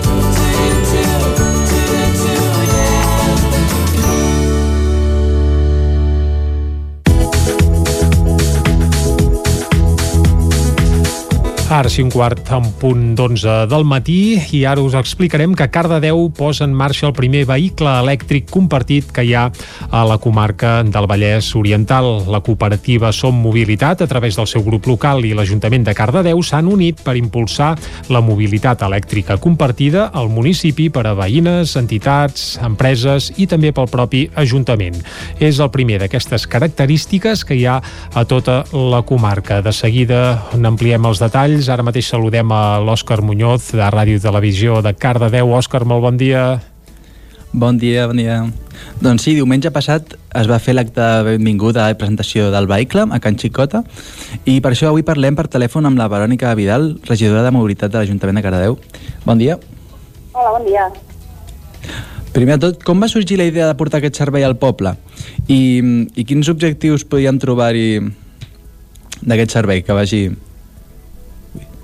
Doncs la idea va sortir d'un grup local, o sigui, d'una gent que ja tenien un interès en portar aquest tipus de cooperativa a Cardedeu i que ja tenien doncs, una mica aquesta finalitat perquè són gent que estan doncs, ja implicats en altres plataformes, en Cardedeu Vital, en Cardedeu en bici a peu, en la xarxa de suport mutu, i són un col·lectiu de gent que ja tenen doncs, uns objectius molt clars en temes de sostenibilitat i, i en temes de cooperació, de, perdó, de cooperativisme, um, i llavors doncs, ja fa, crec que a finals del 2018 van començar a moure's per poder, per poder constituir-se com a grup local i tenir suficient massa crítica de gent per poder comprar aquest vehicle. Um, el que passa és que bueno, es va arribar doncs, com a un topall no? d'interès per part de, de, de gent que volia involucrar-se o que volia apostar per aquest tipus de mobilitat sense haver vist el cotxe, no? I que a vegades és una mica difícil sense tenir diguéssim, l'objecte real doncs, comprometre's, doncs arribar a un, a un topall i llavors l'Ajuntament el que va fer va ser, o, o ha, ha fet ha sigut donar aquest suport, eh, aquest impuls últim per poder adquirir unes quantes hores de vehicle necessàries per acabar de comprar el vehicle. I l'objectiu una mica tenir un vehicle compartit doncs és això, és, és, és utilitzar un, un sol vehicle per, per moltes famílies perquè en moltes ocasions doncs, no és necessari que tots els membres d'una unitat familiar doncs, tinguin vehicle i normalment tendim a aquesta, aquest, aquest, aquest, aquesta situació no? que cada adult doncs, té el seu propi vehicle però moltes vegades hi ha alguns d'aquests vehicles que estan sense, sense, fins i tot sense moure's, amb, el- amb la qual doncs, és una despesa inútil i a més a més doncs, també doncs, comporta un, bueno, un, des- un disseny energètic no? de tenir un vehicle per, per persona Llavors, d'aquesta manera, el que es fa és que la gent només compra hores quan necessita realment aquell vehicle per fer un desplaçament puntual i, o, o varios, vull dir que no és només per un, sinó que és per, per, si només necessita puntualment anar un cop al mes a fer no sé què, doncs, doncs llavors li, li convé més aquest tipus de vehicle que no un de privat. Uh per cert, uh, Verònica, quins requisits cal tenir per poder conduir aquest cotxe? Supo, bueno, evidentment tenir carnet, eh? D'aquí això segur, però qui Exacte. més? No, ja està, bàsicament és això, és tenir carnet de conduir, no es necessita tenir cap, cap, cap, altre, cap altre requisit. Fer-se soci, en aquests moments doncs, eh, em sembla que la, la quota de per fer-se soci a Mobilitat és de 10 euros una quota única, o sigui, no és anual, sinó una quota única de 10 euros, i, i ja està, llavors és, és, és comprar aquestes hores, es pot fer en funció de les necessitats, o es pot fer una precompra avançada de dir, bueno, doncs jo calculo que necessitaré ara m'ho invento, però 50 hores, eh, ja, ja faig aquesta precompra de 50 hores. Si es fa en precompra, sempre doncs, el preu de l'hora surt una mica més econòmic. Llavors, després a nivell de conducció és un vehicle elèctric i per tant doncs, és acostumar-se a fer una conducció en vehicle elèctric, però bueno, que és molt senzill. Mm -hmm. Aquest és el primer, com havíem dit abans, és el primer vehicle elèctric de la comarca. No sé si us heu fixat en altres poblacions que ja utilitzen aquest servei, però quina rebuda us espereu en l'utilització d'aquest vehicle?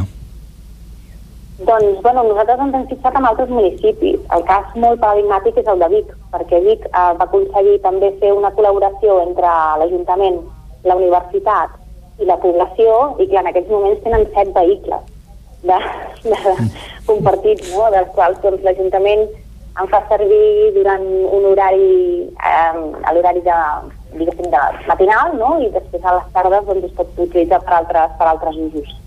En aquest cas, com que l'Ajuntament no, no tenia necessitats molt específiques de vehicle, perquè ja tenim un vehicle elèctric que, que es fa servir molt, no? vam, vam pensar que no calia ser restringir l'horari, sinó que només en funció de si puntualment es necessitava un vehicle per anar a fer alguna cosa, doncs, no sé, a la Diputació, un Consell Comarcal o així, doncs llavors sí que es podia, es podia reservar, però, la resta, però està en horari lliure, en aquest cas. I a nivell de necessitat, bueno, creiem que això que és una mica el futur, perquè ara ens costa una mica entendre com, com pot ser un vehicle compartit, però crec que a mesura que la gent el vagi fent servir, també aniran tenint les avantatges de tenir un vehicle compartit i no haver de tenir un, un vehicle particular amb totes les despeses que comporta.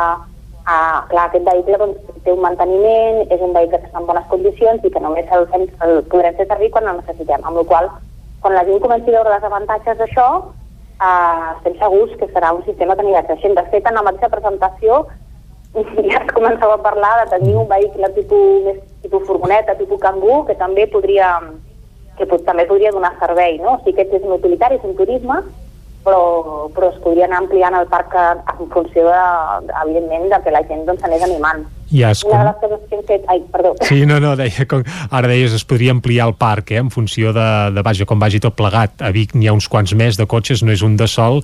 Us heu plantejat ja la possibilitat d'ampliar-lo, doncs, o, o no? A mesura que vagin creixent la demanda d'hores ens ho plantejarem. Ara mateix potser és massa aviat, eh?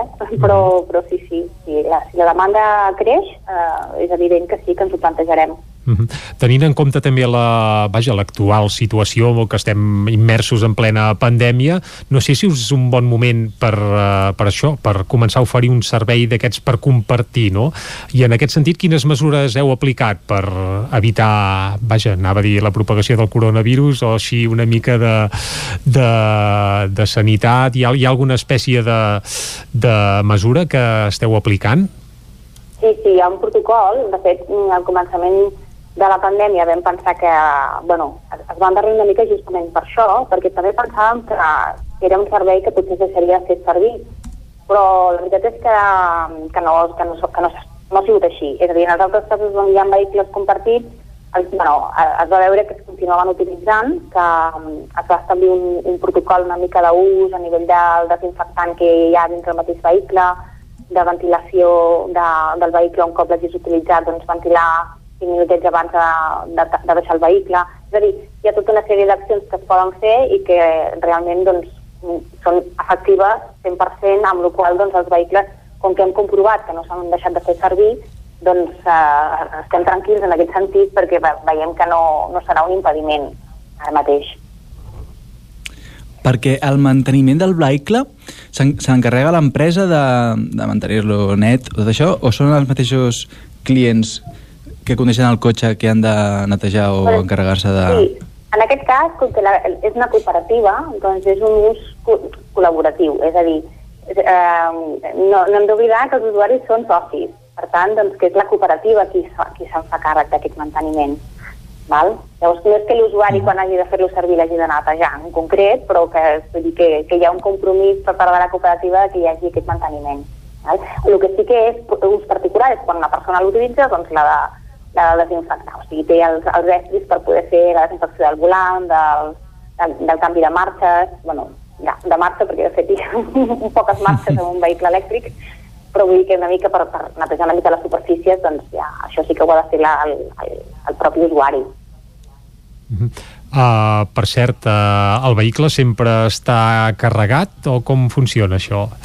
I en aquest sentit també, a quins punts del municipi, en aquest cas de Cardedeu, es pot carregar el vehicle? El vehicle està estacionat a Can Xicola, que em sembla que abans he dit Can Xicota, és Can Xicola, que és l'antic magatzem de, la, de la brigada municipal. Hi ha un punt de càrrega que és exclusiu per un, car per, per un sistema de car sharing, o sigui, de vehicle compartit. Per tant, en aquest moment, com que només hi ha un a Cardedeu, doncs seria exclusiu per aquest vehicle. Llavors, l'usuari, quan, el, quan, deix, quan torna el vehicle, el deixa carregant-se. I com que la càrrega, o sigui, el cable no es pot retirar fins que no pots tornar a accedir el vehicle, fins al següent ús no es pot treure el cable de càrrega i llavors el següent usuari doncs, ja el troba carregat. Uh, per cert, Verònica, M'has des... també els diferents punts de càrrega, perdona, que això m'ho he descuidat de dir-te. Va, A Cardedeu ara... en enumerem-los. Tenim... Digues? Sí, sí, digueu, digueu, a diferents punts de càrrega que hi ha al municipi. A part d'aquest fixe, eh, tenim un punt de càrrega doble davant de la Biblioteca de Cardedeu, que funciona ja des de fa, de, de fa uns quants anys, i de fet fa uns quants mesos que vam poder activar un punt de càrrega ràpida al polígon industrial, a l'Ingu del Vallès, perquè era un punt que s'havia bueno, es va construir durant aquest any passat, però hi havia hagut el, bueno, dificultats amb la, amb, la, amb la connexió amb Endesa, actualment ja està funcionant, de fet té bastanta utilització perquè com que és un punt proper a l'autopista doncs també imaginem que hi deu haver gent doncs, que ve, carrega el vehicle com que és càrrega ràpida Uh -huh. doncs s'aprofita bastant aquest punt ara mateix. Uh, per cert, Verònica, des de la regidoria de mobilitat, en quins altres projectes esteu treballant? No sé si hi ha algun nou futur carril bici també en dansa.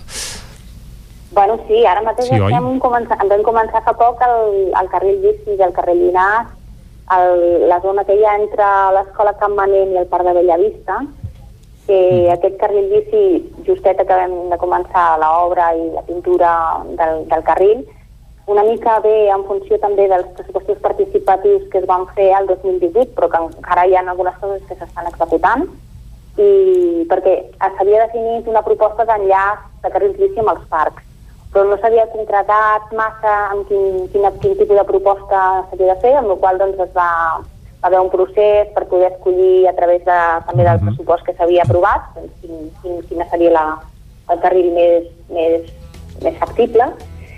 En aquest cas, a més a més, doncs, es dona la situació que enllaçaria amb el futur carril bici que, mm, intermunicipal en Llinars del Vallès. Uh, Verònica Vidal, se'ns acosta el tall de publicitat. Uh, ah. Algun dia tornarem a parlar del futur i els detalls d'aquest nou carril bici. Moltes gràcies per acompanyar-nos avui a Territori 17. Nosaltres ara fem una petita pausa i tornem de seguida a dos quarts en punt. Fins ara. El nou FM, la ràdio de casa, al 92.8. Òptica Visual Opti3. Regala qui estimis, visió, salut, protecció, prevenció i moda. Per tu, regala't una revisió visual completa. Visual Opti3, la teva òptica. Ens trobaràs a Facebook, Instagram, visualopti3.com i a la plaça Major 39 de Vic. La Fogonera, resistència gastronòmica. És un restaurant? És un rostidor? És La Fogonera, la cuina en directe des de GURB, on encarregues, ho vens a buscar i ara també t'ho portem a casa. La Fogonera, resistència gastronòmica. Ara, amb la fogonera de dia, amb aperitius, arrossos, segons plats i postres. I quan cau la nit, Ens transformem en un popurri culinari. Burgers, pizza, pasta... Truca al 93 851 55 75 o entra a lafogonera.cat. La Fogonera, el teu aliat gastronòmic. Cocodril Club. Si t'agrada la bona música dels anys 60, 70 i 80, escolta el 9 FM els matins de dissabtes i diumenges d'11 a 1. És el temps del Cocodril Club, tot un clàssic de la ràdio, amb les bases del pop-rock, les llegendes, les cançons que s'han convertit en autèntics himnes. Recorda, dissabtes i diumenges al matí, d'11 a 1, al 9 FM 92.8. Cocodril Club, el programa revival de l'Albert Malla. Hasta. Anuncia't al 9FM. La màquina de casa. 9 3 8 8 9 4 9 4 9. Publicitat arroba al 9FM.cat. Anuncia't al 9FM. La publicitat més eficaç. Farmàcia Vilaplana. Productes de cosmètica de marca pròpia Lierac i Nux. Farmàcia Vilaplana. Vine a veure els nostres packs de productes d'higiene i cosmètica per a aquestes festes. Regala salut i bellesa als que més estimes. Farmàcia Vilaplana. Ens trobaràs a la plaça Major 17 de Vic i també a Facebook i Per estar Instagram. bé a casa, vine a Mobles Verdolet. Sofàs, sales d'estudi, dormitoris, menjadors i molt més. Mobles fets a mida. Mobles Verdolet. Ens trobareu al carrer Morgades 14 de Vic i al carrer Nou 44 de Torelló i també a moblesverdolet.com. Mobles Verdolet. Només us pensar en desitja passar aquesta nit sense calefacció amb aquest fred. No es preocupi, hem analitzat a fons la caldera i de seguida quedarà reparada i en funcionament. Quan tingui un problema amb la seva caldera, vagi directament a la solució. Truqui sempre al servei tècnic oficial de Saunier Duval i despreocupis, perquè som fabricants i coneixem les nostres calderes peça a peça. Informis a Oficiat Nord trucant al 93 886 0040. Saunier Duval, sempre al seu costat. El 9 FM, el 9 FM, el 9 FM, el 9 FM. Dos quarts d'onze en punt del matí, seguim en directe aquí a Territori 17 i ara el que farem és saludar l'Isaac Moreno, que com cada dia ens acosta les piulades. Isaac, bon dia. Bon dia, Jordi. Què ens portes avui? Doncs mira, avui comencem una piulada de la usuària Rastapalo, l'atòmica, des de Vic, diu... Regals... Rastapalo, es fa Sí, dir. sí, es fa dir, és l'usuari, arroba Rastapalo. Diu, els regals que feu han d'agradar al, seu desti al seu destinatari, no a vosaltres. La cosa no deu ser gratuïta perquè hi ha 16 comentaris al respecte, només anem... És que això donaria per molt, eh? Exacte. Uh, però vaja, jo ja penso en aquell sopar que regales a la parella, pensant en que jo també hi aniré, no? Correcte. Seria una opció, però una vaja, opció. no sé si, si van per aquí o no, els Li comentaris. respon la Mireia Genís que diu exacte, oh, he tingut aquesta discussió tantes vegades i la, la Rastapalo que respon per això no suporto els regals, mai encerten pobreta ara pla Avui l'hem reglat un seu tuit per la ràdio, va. Va. Fil de l'Albert Güell, alcalde de Sobremunt. Tothom preocupat per si uns investiran els altres, els altres a uns, tan sols pel fet de quedar per davant. I sembla que ningú el preocupi ni el programa ideològic ni l'estratègia política que puguin tenir. Investir per fer què? Junts per Cat i Esquerra? És un fil de quatre piulades. Anem per la segona. Si hi ha govern que impulsi polítiques orientades a la lluita contra la desigualtat, la recerca de la justícia social i la igualtat entre persones, que facilitin l'accés a l'habitatge, prioritzin els sistemes educatius i sanitaris públics i que qui més tingui, més pagui. I que d'una vegada per totes s'expliqui quina és la seva estratègia per aprovar la independència, la que sigui, però realista i concreta, prou cortines de fum. Abans, però, que es disculpin per haver manipulat de manera partidista el llegat i la il·lusió popular de l'1 d'octubre. Si hi ha govern, que el formin uns partits que prioritzin a les persones i no a les poltrones, i si no, que no n'hi hagi, i a treballar des de l'oposició, perquè en política s'hi hauria de ser per fer coses, no pas per ser algú. Bufa. Bufa, encès, eh? La, la, Sí, sí. És, és independent, eh? Sí, però diguem que és Que amic de, cap- de l'ESCUP, eh? Correcte, sí, tira cap aquí. Tira cap aquí. Molt bé. La Carme Vilaró des de Vic comparteix un parell de... No, un parell no, tres o quatre imatges de l'Anella Verda de Vic. Recorregut ambiental a l'entorn del Gurri, Anella Verda, no hauran pastelat massa arbres, oi, Ajuntament de Vic? I si es veu una tala d'arbres, repiula i comenta l'Antoni Borra, ho fan pel nostre bé, oi, Ajuntament de Vic? I et queden aquí les preguntes. Ja crec que és una tala d'una pollancreda i precisament la setmana passada parlàvem aquí Territori 17 de que els pollancres no serien precisament un arbre autòcton de Ribera. no, que els, tall, potser- els tallen i els tornen a replantar, eh? Ah, això, doncs, moltes seria una altra història, Moltes eh? vegades, Ah, bàsicament, però bé, perquè els aviam. volen per fer fusta, eh? entre, eh, bàsicament. Bé, potser hi parlar i plantaran salses ara, o vés a saber. Vés a Uh, bé, Carles Furriols, a la, ta la taula de diàleg no s'ha reunit aquest mes de novembre, afirmatiu, sí. Ni sembla que s'hagi de reunir el mes de desembre. Poc, però vaja. La Teresa Rossell està molt activa avui a Twitter. Per exemple, converteix la portada de l'ara amb aquest titular a la capçalera que diu Grècia i Polònia superen Espanya en inversió en RMSD. Menteixes sobre el passat, manipulen el present i ens furten el futur, diu la Rossell. Uh, Robert Jové diu val més callar i semblar ruc que publicar a Twitter i confirmar-ho, carai. I acabem una piulada d'en Dionís Guiteres, alcalde de Mollà diu recordo el 2011 que la Laura Vilagrà va venir a Mollà a animar-nos a entomar el repte de treure el poble del Pou. Mestre d'alcaldes, escoltar la seva experiència va ser decisiva per presentar-nos i guanyar. Sort i encerts Laura a la foto amb Isaac Pereira quan fèiem mig goig. Home, I recordem que la... Fan, fan, del tot, fan del tot de goig, Pereira... I la Vilagrà serà la, la número 2, en... sembla, la llista d'esquerra no, a les no, comarques barcelonines. Sembla eh? no, confirmat del tot. Confirmat del tot, vinga. Anem però, ara... Però insisteixo, clar, ell diu, feia, quan, la foto quan feien mig goig, quan eren joves, en fan ara de, de goig, tant en Guiteres com en Pereira com la Vilagrà, home. I tant, i tant, molt de goig tots plegats. Estan, I ara... flor, estan a la flor de la vida. Correcte. Anem a repassar què diuen les portades del 99.cat. A la mà d'afluència, primera hora el cribatge intensiu de Vic, diu l'edició d'Osona i el Ripollès, és d'aquest matí això, insòlita troballa en un dels camins de la retirada republicana, un paper enrotllat en una funda de pistola. Uh, més qüestions tres dècades en forma, el tancament del gimnàs de Roser Puig a Vic i la vida post-Can Garcia, la vida d'un dels últims veïns d'aquests habitatges, habitatges que van ja tapiar la setmana passada a l'espera de l'enderroc definitiu. A l'edició del Vallès Oriental, José Antonio Neguillo serà el nou director de l'Hospital de Sant Celoni. Elan Gómez serà la substituta de Keva Gassama, el CAC 7 Balomano Granollers desllotgen una casa de Can Bosch cap a la Tordera pel desplaçament d'un mur per la pluja i la contaminació del besòs per l'incendi de Ditexa en mans de la Fiscalia de Medi Ambient. Doncs moltes gràcies, Isaac. Bon Fins demà. Ara nosaltres seguim i anem cap a la taula de redacció.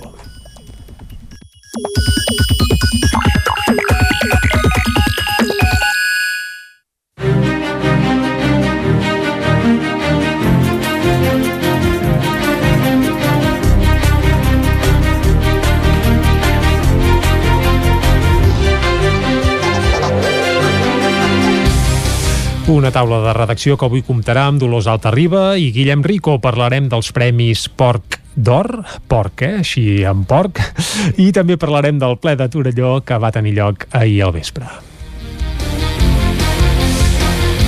I comencem, Dolors Altarriba, molt bon dia. Hola, bon dia. Parlant d'aquests premis Porc d'Or, eh, que habitualment, doncs, les granges usonenques hi acostumen a tenir força Sí. presència, no sé aquest Sí. any com ha anat això, Aquest eh? any ha anat, ha anat eh, una mica menys. De fet, es nota en els últims anys, per exemple, ja fa dos anys que les granges d'Aragó són les que hi tenen més nominacions. Uh -huh. Eh, quan Recordem que fins són a les- d'àmbit estatal aquests Sí, premis, sí, eh? són d'àmbit estatal. Es diuen sí, sí. porc d'or, però Es no són porc- només nacionals, sinó no, que... però va, perquè van néixer aquí a través de l'IRTA. Val? Llavors, eh, clar, el que està passant ara, que, que ja es veu, és eh, amb, amb el creixent nombre o nous, noves granges a l'Aragó, doncs també eh, a més a més han sent més noves normalment són granges que s'han fet de nou Moltes impulsades I- per ramaders catalans, molt- bé, i- o empresaris, més que ramaders. més que, exacte molts grups de... Mhm. o sigui, hi ha una... Hi ha, hi ha un, un flux entre eh, grups aragonesos cap a Catalunya i grups catalans cap a l'Aragó, diguem-ne, això està clar.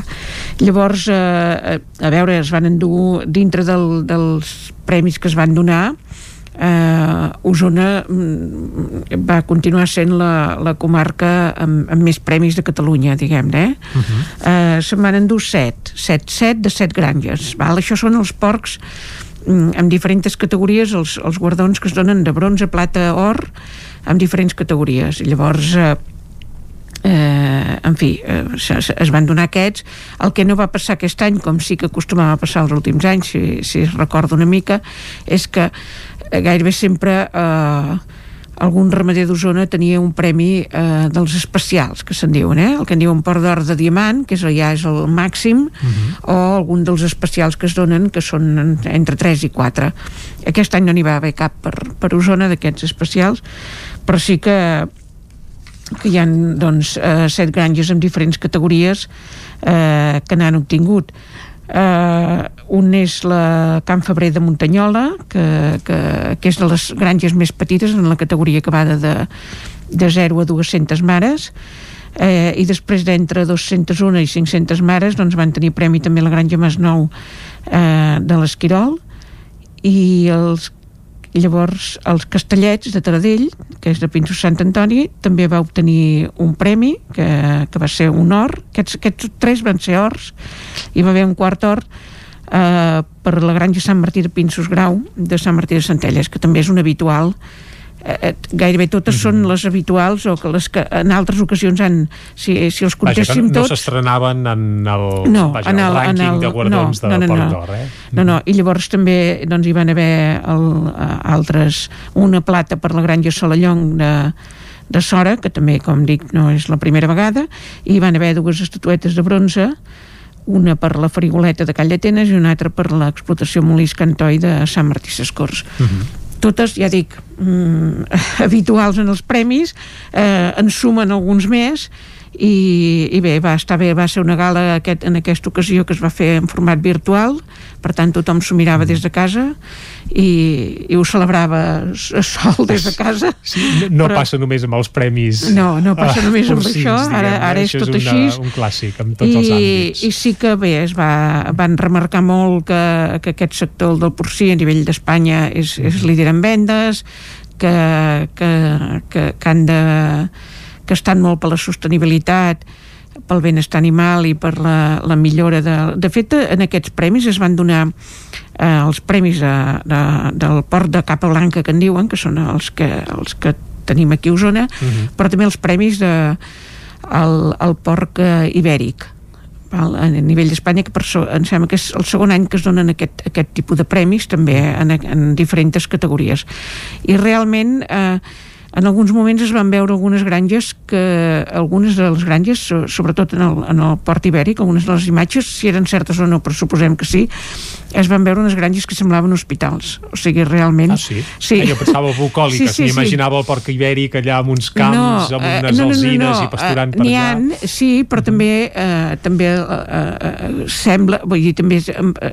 eren intensius, però amb un amb, un, eh, amb, amb, molta, amb molt espai, diguem-ne, no? sense les típiques, diguem-ne, gàbies que es veuen habitualment en unes granges. Eh? La veritat és que en aquest, en aquest sentit sí que, que es va veure això.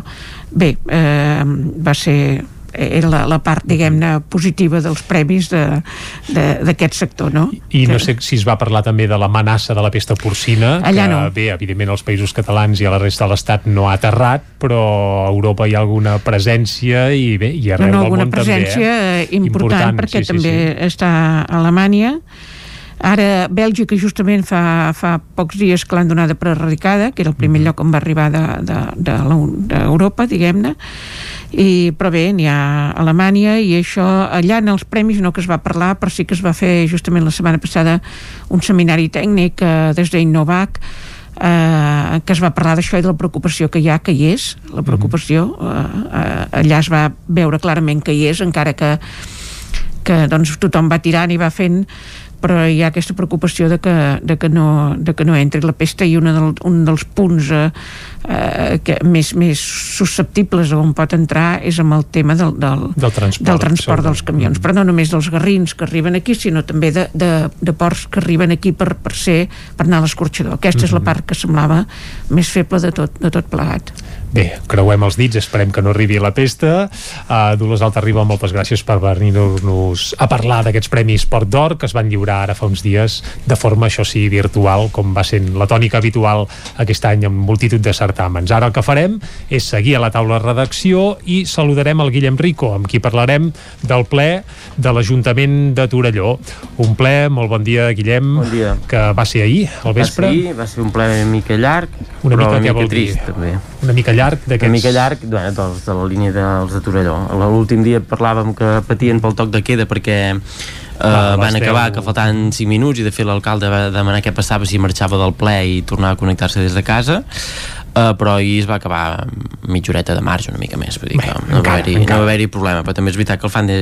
Això, Clar, va ser virtual, és eh? És a dir, virtual, no és però n'hi ha, per exemple, això, l'alcalde està al despatx de, de l'Ajuntament, no és a casa, i llavors hi ha algú altre que tampoc és a casa seva i llavors passen aquestes coses. Bé, ara ja sabem on i com es va fer, uh, què s'hi va dir? Uh, S'hi va dir moltes coses, però mm, cosetes, diguem. Per exemple, es van aprovar dues propostes del PSC, una per fer un estudi de la situació del comerç i per, i per la reactivació, eh, deien això, no? una mica per, per eh, fer un pla eh, conjunt per donar valor afegit al petit comerç, valorar aquesta atenció perso- personalitzada i fer un full de ruta de la situació actual eh, que també ha- s'ha vist tocada per la Covid-19. De fet, estava previst un estudi, va explicar la regidora de Comerç també, eh, Mercè Faja, deia que tenien el compromís, que eren els primers que ho volien fer, però que no s'havia pogut fer per, precisament per la, per la pandèmia, eh, perquè volien que ha desvirtuat el dia a dia, que s'han canviat les dinàmiques i per tant doncs, hi havia previstes unes taules de treball i unes enquestes que per el coronavirus doncs, es van ajornar i confien fer-ho a partir del 2021 i sí que van, va recordar que en aquests mesos s'han obert mm, diferents activitats, cinc activitats a, a cinc comerços, s'han afegit quatre parades al mercat, també dues, a, dues més al mercat municipal i també hi ha dos projectes en curs, que per tant dins de tot plegat doncs, el comerç no està tan tocat. I l'altra proposta del PSC era per crear un camí escolar segur fins a l'Institut Escola Marta Mata, recordem que ja hi ha uns camins escolars segurs però aquest institut escola és més nou i per tant no estava delimitat i deien que per seguretat doncs, doncs calia fer-ho també es va aprovar l'adhesió de, de Torelló a la xarxa de municipis per l'economia social i solidària. Això és fruit d'una moció de la CUP que es va aprovar ara fa un any. Hi havia quatre passos. Uh, un era aquest, entrar dins aquesta xarxa. Uh, deien que treballaran amb això també per, per fer accions de suport, per, per sensibilitzar la població en aquest tema, etc etc. Des de la CUP però els deien que hi havia quatre punts més en aquesta moció i que encara no s'han no tirat endavant. També es va aprovar la moció, en aquest cas conjunta, pel desdoblament de l'R3, que hem anat veient com s'ha anat aprovant a tot arreu. l'únic municipi que l'aprova. Uh -huh. I també s'ha fet una modificació del reglament dels horts socials. Fa uns mesos se'n van, es van canviar d'ubicació, es van col·locar a prop de l'Espona, entre el camí nou de Camp Parrella, més o menys, i la ronda de les Pollancredes. I bé, s'aprovava aquest reglament també per, per mm, això per, per veure quins criteris s'han de seguir a l'hora de repartir-los i quina, quina part, etc etc. i també van anunciar doncs, que en crearan uns de nous eh, que en faran més en un altre espai que és a, a l'altre eh, també precisament a l'altra banda de la- de l'avinguda la, del eh, cap a la zona de l'Avinguda del Castell on hi ha l'escola, Institut Escola Marta Mat allà hi ha molts solars buits on també hi ha uns, uns habitatges d'aquests de protecció oficial eh, també es faran allà unes parcel·les i per tant aquest reglament també permetrà regular, regular tot això hi va haver una cosa curiosa que era un reconeixement extrajudicial de crèdit i una modificació de pressupost per unes factures de la Sareb de l'any 2019 d'entre l'abril i el desembre pel lloguer de la nau de carrossaires perquè es veu que els hi anaven arribant factures Ah. però amb un preu més alt del que tenien estipulat i llavors l'Ajuntament ho anava retornant perquè els deien que no estaven bé la Sareb els hi feia sempre per un import més alt i al final han aconseguit doncs, que els hi fessin per l'import que per l'import que toca. I a part d'això, eh, van parlar d'aquests d'uns aldarulls, que això en l'apartat de, de pregs i preguntes ho van demanar des de des d'un grup de des del grup de ho van demanar Potser els des de l'oposició. potser Junts per Catalunya... Sí, o, de, o, o des de la CUP, crec que va ser. Bé, en fi, uh, per, un, per uns aldarulls que hi han amb canalla, amb jovent a, a, la, a les dissabtes a, els tardes vespres, sobretot els caps de setmana a la plaça Nova, en un dels bars. Va dir que s'havien fet algunes sancions perquè precisament s'havia detectat que també se servia alcohol en algun d'aquests bars. I és un tema que ha sortit també ja bé de l'estiu quan encara es podia anar a dormir més tard a les 10 eh, que s'allargava que hi havia molta aglomeració de, de, de joves amb, sense mascaretes, això, temes de d'alcohol, etc. i llavors han, van, va explicar la regidora de Seguretat doncs, que s'està treballant amb les regidories d'Educació i Joventut i amb els Mossos d'Esquadra eh, per fer també temes de pedagogia en centres educatius eh, i també per veure com ho aborden perquè hi ha algunes baralles també, hi ha una mica de, de malestar també per part de, dels veïns que viuen a prop i també van, en l'apartat d'informacions es va anunciar que sobretot en temes de cultura hi haurà activitat, hi haurà el, el Toca Fusta, una fira que es va estrenar l'any passat, que es farà igualment. També van recordar que no hi haurà pastorets, però sí que hi haurà quatre espectacles aquest Nadal. No hi haurà pastorets per temes d'assajos, perquè costa trobar moments amb els socs de queda. Uh, també projectes que, que, que comencen també van parlar sobre la cavalcada uh, que sí que hi haurà De cavalcada, cavalcada sí que n'hi haurà, una eh? cavalcada Mhm. més llarga per, per espaiar i també hi haurà el lliurament de, de cartes als patges el dia 27 de desembre en aquest cas descentralitzat i es farà en tres punts diferents també per repartir uh, les persones pels nens i nenes perquè no hi hagi aglomeracions amb el patge. entregar les cartes La tens feta ja, Guillem, la carta? jo estic pensant en què hi acabo de posar Va, doncs, vaig pensant fins a final tinc, de mes posar moltes tens coses i, i he de triar, de triar Va, doncs vés triant. Bueno, per demanar que no quedi, per Sí, això exacte, després no? portaran el que vulguin, però vaja. Exacte. Molt bé, Guillem Rico, moltes gràcies. Adéu, bon dia. Doncs fins aquí la taula de redacció. Ara ens n'anirem de seguida a saludar la Txela Falgueres al Busca't la Vida.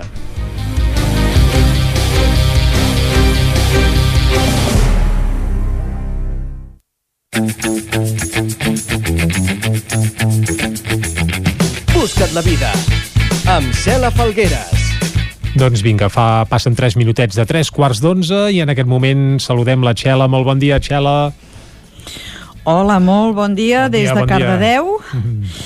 Bé, uh, avui us porto un programa, com sempre, que voleu que us digui, Home, sempre molt és interessant. fantàstic. Mm -hmm. Clar que sí, evidentment, el preparo, el preparo amb moltes ganes i intento també explicar-lo amb moltes ganes. Mireu, Mm. Uh, avui a l'entrevista parlarem de Selenita Detalls i m'agradaria uh, posar en relleu que les històries d'emprenedoria són tan diverses com les persones que hi ha al darrere. No sempre trobem casos de superèxit amb rondes d'inversió milionàries. En certes ocasions hi trobem trajectòries que podrien ser a ulls del públic en general discretes, però que jo crec que estan plenes de sentit i de riquesa. Avui eh, parlarem amb l'Anna, eh, que arribats als 40 va voler fer un gir a la seva vida i superar un repte personal que l'acompanya des de l'adolescència. Es tracta d'una condició eh, mèdica que té. Després d'un any, L'Anna no només utilitza Instagram per rebre encàrrecs i vendre les seves creacions, sinó que també està impartint tallers creatius online. Us convido a que escoltem aquesta entrevista de Selenita Detalls plena d'honestedat i crec que és un exemple fabulós. Vinga, som-hi! Som-hi, vinga, doncs. Ens trobem amb l'Anna Ordovàs, eh, emprenedora a partir dels 40 anys i creadora de Selenita Detalls. Moltes gràcies, Anna, per acompanyar-nos. A tu per convidar-me. Com et definiries, Anna? Qui és l'Anna? Doncs l'Anna jo crec que és una persona resistent, sobretot, perquè bueno, he tingut una vida una mica complicada a nivell de salut i, i més que molta gent em diu que soc molt forta o valenta, jo, jo em considero una persona resistent i molt creativa. Arriba un moment, als 40 anys, que per una sèrie de circumstàncies decideixes fer un canvi a la teva vida. Explica'ns com va ser aquest moment i a quin canvi vas arribar a la conclusió que havies de fer. Doncs la veritat és que va ser com, no sé, una cosa com molt intuïtiva. Mm, Portava molts anys sense poder treballar per les malalties que pateixo i notava que als 40 era com, no sé, allò que dius, "Ah, hi haurà algun canvi o alguna cosa perquè ho noto. I també la meva filla s'havia fet gran, té 16 anys i llavors, bueno, veus una mica que ara què, no? no estava treballant no... i dius, home, potser que faci alguna cosa però per mi, no pels altres, no? Sinó per mi. En aquest procés de transformació neix el que és Selenita Detalls, no? Sí. Què són les selenites? Doncs mira, les selenites són, són com una extensió meva com per donar als altres un, un motiu per recordar. I em considero una creadora de records, més aviat. Les selenites són l'excusa, una mica. Explica una mica, perquè clar, estem en un programa de ràdio, què és una selenita, mm, com ho definiries tu? Perquè jo la primera vegada que ho vaig veure vaig pensar, això és com un mòbil, però jo crec que té bastant més que un mòbil, no? Què és? Explica una mica Sí. com és una mica, quina estructura té.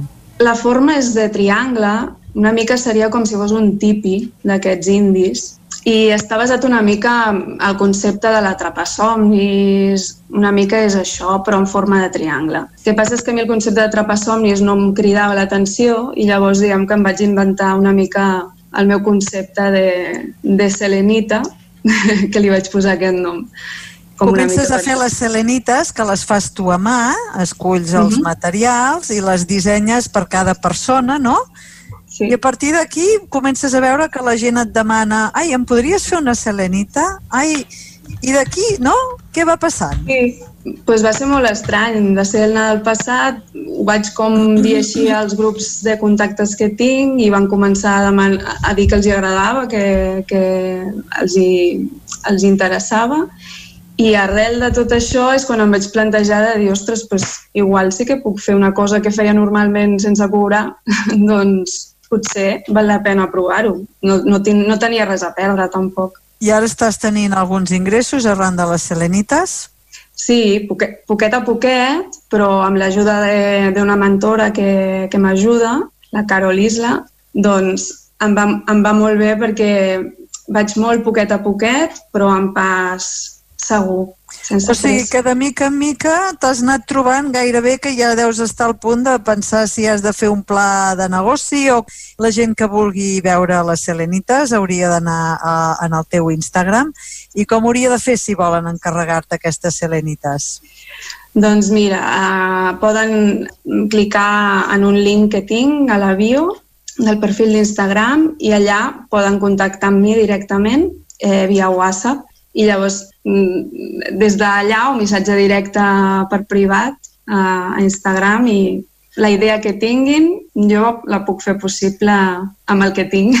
Si fa cinc anys t'haguessin dit que estaries venent i fent promoció de coses que fas tu mateixa per Instagram, què haguessis pensat? Ui, ni, ni, ni de broma, o sigui, ni parlar davant de gent ni res de res. O sigui, jo era una mica en la meva bombolla i no, no volia sortir a l'exterior perquè fa por, fa respecte al mercat laboral quan portes temps fora, fa molt respecte. De les Selenites ja has fet un pas més i estàs ja presentant propostes per Nadal sostenibles. Explica'ns una mica què són aquestes propostes de Nadal sostenible? Sí, una miqueta és en base una mica en, en com som jo o com som nosaltres a casa i arrel d'una patologia que tinc, de sensibilitat química múltiple, doncs vam haver de canviar molt la manera de, de fer les, les festes, de fer les, la vida en general i jo crec que no està de més repensar-se una mica què fem servir al Nadal, per què i si té un sentit o no té un sentit. A nivell d'aquest projecte que estàs engegant i que és eh, així encara en una fase molt primerenca, quins projectes tens? Què, què t'agradaria veure? Què, què estàs experimentant? Doncs a mi, així a llarg plaç, em faria molta il·lusió que Selenita de Detalls fos la, una marca personal meva i, i ja que la gent em demani la selenita com a concepte, per mi és super important, perquè ja diu, diu molt, no?, de que ja relacionin això amb que es digui així. I també si puc ajudar d'alguna manera a les persones que, que em van veient per l'Instagram i, i puc animar o, o el que sigui, també m'agradaria per aquí, amb els tallers que vull començar a anar fent, manual, de manualitats, però alhora que serveixen una mica com, com per sanar una mica les persones. Aquests tallers de manualitats que estàs comentant, que ara ja en tens un a punt, com seran aquests tallers? Seran presencials, seran online? Com els estàs organitzant i encarant? De moment són online perquè bueno, les coses són com són, però bueno, la gent que s'inscriu pot estar en aquell moment en directe amb mi fent el taller o el pot rebre després gravat. I, bueno, són alternatives, no és el, no és el típic taller de fem una cosa i ja està, sinó, bueno, una mica més com a creixement també a l'hora que fas manualitat. En aquest any, des de que has iniciat el, el, el, el teu projecte Selenita de Tall, quin és el moment que et penses, que trobes que et satisfà més? Ostres, jo, jo quan algú em pregunta si li puc fer una selenita i m'explica la història darrere, uh, bueno, jo és que em, em teletransporto, m'encanta. M'encanta saber les històries de, de les persones i en base a això mm, crear coses i, i si les puc fer contentes o, o felices per un dia quan ho reben és, és molt satisfactori, la veritat. Has parlat diverses vegades d'Instagram. Suposo que Instagram és la teva via de contacte primera amb el món exterior. Què és el que t'agrada més d'Instagram o quines possibilitats veus que t'estan obrint o, tenir Instagram com una eina? Jo és que m'encanten les xarxes, la veritat. Mira que sóc dels 40, no?, de que tinc 40, però, però gaudeixo molt, la veritat. M'he començat a permetre gaudir molt de, de les xarxes i no dir, ai, bueno, no, no, estan per una cosa i fan conèixer persones increïbles i poder arribar a persones que d'una altra manera no arribaries. I en el tema del negoci igual, mm, pots arribar a moltes persones amb molta persistència i jo és que com que qualsevol cosa ja estic contenta, doncs ja no... m'és igual. La selenita que has fet, que està ara en aquests moments més lluny d'on vius tu, on, on, on està aquesta selenita? L'encàrrec que t'han arribat de més lluny. Ostres, doncs vaig enviar a Saragossa una, una selenita. Mm, és veritat, ara estava pensant, són per aquí? No, no, alguna per Saragossa he enviat. Sí. Molt bé, Anna. Escolta, desitjo que aquest projecte tiri endavant perquè les ganes hi són i penso que, ja ho has dit al principi, no? que ets resistent i lluitadora i que estic segura que la decisió que vas prendre en aquest moment de dir vull fer això perquè m'agrada va ser la decisió que havies de fer perquè realment la teva cara és, és només parlar de selenites i ja treus llum. No? Sí, per mi ha servit mm, com una teràpia de, de sanació personal i convido a tothom que intenti buscar la seva essència. Moltes gràcies, Anna. Et desitjo molts èxits, que gaudeixis moltíssim amb tot el teu camí i espero que ens retrobem en el futur i que em parlis de com això està creixent. Tant de bo, tant de bo. Moltes gràcies per pensar en mi, Txela.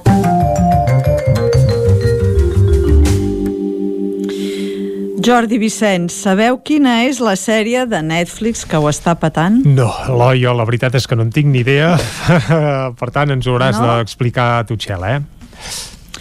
A veure, és el Gambit de Dama, el Gambito de Dama o en anglès The Queen's Gambit, que sovint s'abreuja amb l'acrònim anglès QG i és una obertura d'escacs en la qual les blanques i les negres juguen tal com us diré, que us ho llegeixo perquè no en Sí, tinc llegeix, ni idea. llegeix. 1, 1, D4, D5, 2, C4.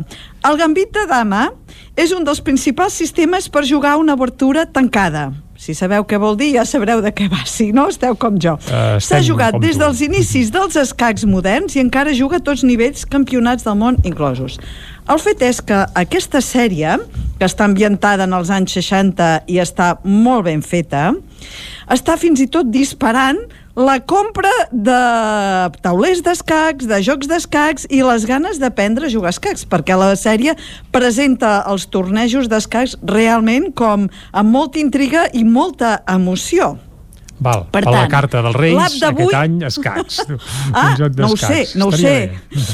La, per començar, l'app d'avui es diu Chess Play and Learn, que en català seria Escacs, juga i aprèn. Mireu, aquesta aplicació és gratuïta, està disponible per Android, iOS, però també té una plataforma web. Et permet jugar amb milions de jugadors d'arreu del món al teu nivell o fins i tot pots triar si vols jugar contra un potent ordinador.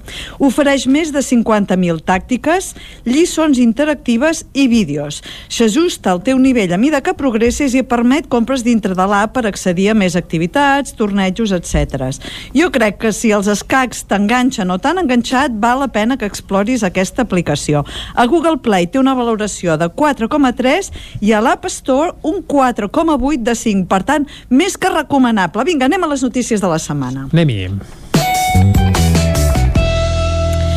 Errors de càlcul acabaran en indemnitzacions milionàries per part de Facebook. La companyia de Mark Zuckerberg haurà d'oferir milions de dòlars de compensació a anunciants en descobrir un error en l'eina de medició de resultats que va sobreestimar la conversió de les campanyes durant més de 12 mesos. S'estima que el cobert minorista és el més afectat ja que ha gastat entre un 5 i un 10% més a Facebook que en altres plataformes de publicitat online. I per acabar, Redsys fa llufa durant el Black Friday. Redsys? Redsys és una... Què és? Sí, Què és? Redsys és sí. una dels principals processadors de pagaments en línia d'Espanya Mm. i està associada a molts bancs i a molts TPBs, els punts de venda eh, virtual. A mig matí del divendres passat, el Black Friday, múltiples usuaris de Twitter ja van començar a informar de la impossibilitat de completar operacions, és a dir, pagaments. Milers de negocis no van poder processar els seus pagaments en un dels dies de més activitats online de l'any i, a més, en un dia, en un any molt complicat.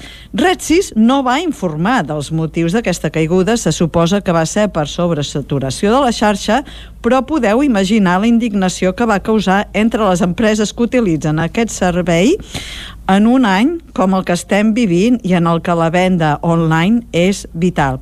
Amb això acabem el programa d'avui i espero que el dimarts que ve estareu fent tots el pessebre tal com indica la tradició, no? Per, eh, per la Immaculada es munten els pessebres als arbres i tot això Mhm. i per la Candelera es treuen, no? Doncs, um, en fi, uh, ens retrobem en dos dimarts Exacte, dimarts I- que ve és festiu, estarem fent el pessebre. per tant, Bé, cadascú que faci el que, que vulgui. faci el que vulgui, evidentment, només faltaria. Uh, Txela, fas pessebre, Ens tu? retrobem aviat. Faràs el pessebre?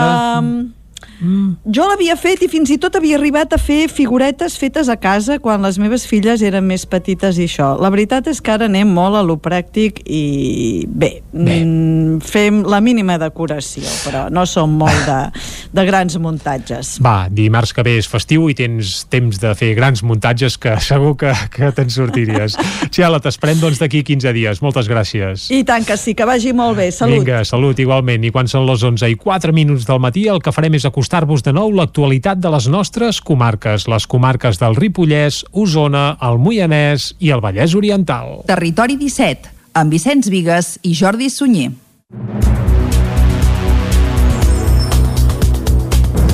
Ha començat ja el cribratge massiu a Vic. A partir d'aquesta setmana, el Departament de Salut també farà testos massius a Manlleu. A mitjans de mes serà el torn de Roda de Ter i de Torelló.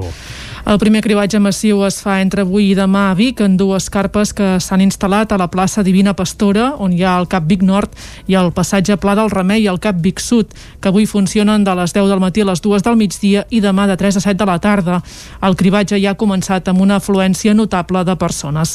Dijous i divendres serà el torn de Manlleu, també en una àrea habilitada al costat del CAP i s'hi faran proves dijous a la tarda i divendres al matí. A Roda el testatge es farà dijous, també a l'entorn del CAP, de les 9 del matí a les 5 de la tarda. En aquesta àrea bàsica s'hi ha registrat un increment de positius de gairebé el 28% la darrera setmana en relació a l'anterior. Els cribatges no es faran amb proves PCR com fins ara, sinó amb testos ràpids d'antígens, de manera que les persones que se sotmeten al test saben el resultat al cap d'uns 20 minuts. A Torelló, el cribatge està programat pels dies 10 i 11 de desembre. El conflicte per a l'ampliació de la planta de residus de Fumanya a Sant Martí del Bars, al Lluçanès, s'ha escalfat aquest cap de setmana. Tot i que s'havia ajornat la manifestació de rebuig convocada per diumenge, hi va haver dos actes de protesta anunciats a última hora. Una cinquantena de persones es van concentrar aquest diumenge a l'aparcament de la Mola, a l'entrada de Santa Creu de Jutglà, per protestar contra l'ampliació de la planta de tractament de residus de Fumanya a Sant Martí del Bars, que ja fa anys que genera rebuig al Lluçanès per les pudors que desprèn. Per aquest diumenge, precisament, hi havia convocada una manifestació que es va ajornar a causa de les restriccions de mobilitat derivades de la pandèmia de coronavirus. A banda de l'acció de protesta a la Mola, se'n va produir una altra, a Perafita, davant la casa particular de Xavier Fumanya, propietari de la planta. Una quinzena de persones van escampar-hi fems i la tensió entre Fumanya i els manifestants va anar en augment. Aviat es va passar dels insults a les empentes i de les empentes als cops de puny. Els Mossos han confirmat que Fumanya va presentar denúncia pels fets diumenge a la tarda. El pla especial urbanístic autònom de la planta que la Comissió d'Urbanisme de la Catalunya Central va començar a tramitar el mes d'agost obre la porta a una ampliació en metres quadrats i tones de residus gestionades al recinte. L'oposició al projecte ha estat unànime al Lluçanès. Els ajuntaments han presentat al·legacions conjuntes a través del Consorci demanant la suspensió del pla especial. El responsable de la planta assegura que el document ha de servir per reordenar-la i que tot i que contempla la possibilitat de l'ampliació de l'activitat, no vol dir que el creixement hagi de ser immediat. El Sant Joaní Joan Bassaganyes es converteix en el nou alcalde de Sant Just d'Esvern, al Baix Llobregat. Isaac Muntades, des de la veu de Sant Joan. El Sant Joaní Joan Bassaganyes va convertir-se aquest passat dissabte en l'alcalde de Sant Just d'Esvern, al Baix Llobregat, en substitució de l'actual batlle, Josep Perpinyà, que va haver de renunciar a l'alcaldia per motius de salut. En el ple extraordinari que es va haver de celebrar aquest cap de setmana, Bassaganyes va obtenir 9 vots favorables a la seva candidatura, 7 del seu partit, el PSC, i un de Movem Sant Just, que governen plegats al municipi, a més d'un vot d'un regidor regidor no adscrit de la corporació. La candidata de Junts per Catalunya, Laia Flotats, va aconseguir els quatre vots del seu partit, mentre que Carles Garcia de la CUP només va obtenir el seu vot. Finalment, els tres regidors d'Esquerra Republicana de Catalunya van abstenir-se. Després de ser investit i rebre la vara de l'alcalde, Bassaganyes va fer un breu discurs per explicar què li suposava entomar el relleu de Perpinyà. Vaig sortir del seu despatx amb una barreja de sentiments. Il·lusió per un costat, cert vertigen per l'altre. Il·lusió perquè tots aquells que ens dediquem a la política municipal, ho reconeguem o no, anhelem poder ostentar algun dia la màxima representació del nostre poble. Vertigen, perquè ja intuïa aleshores, era fàcil de preveure, que el buit a ocupar, si finalment en Josep no es veia en cor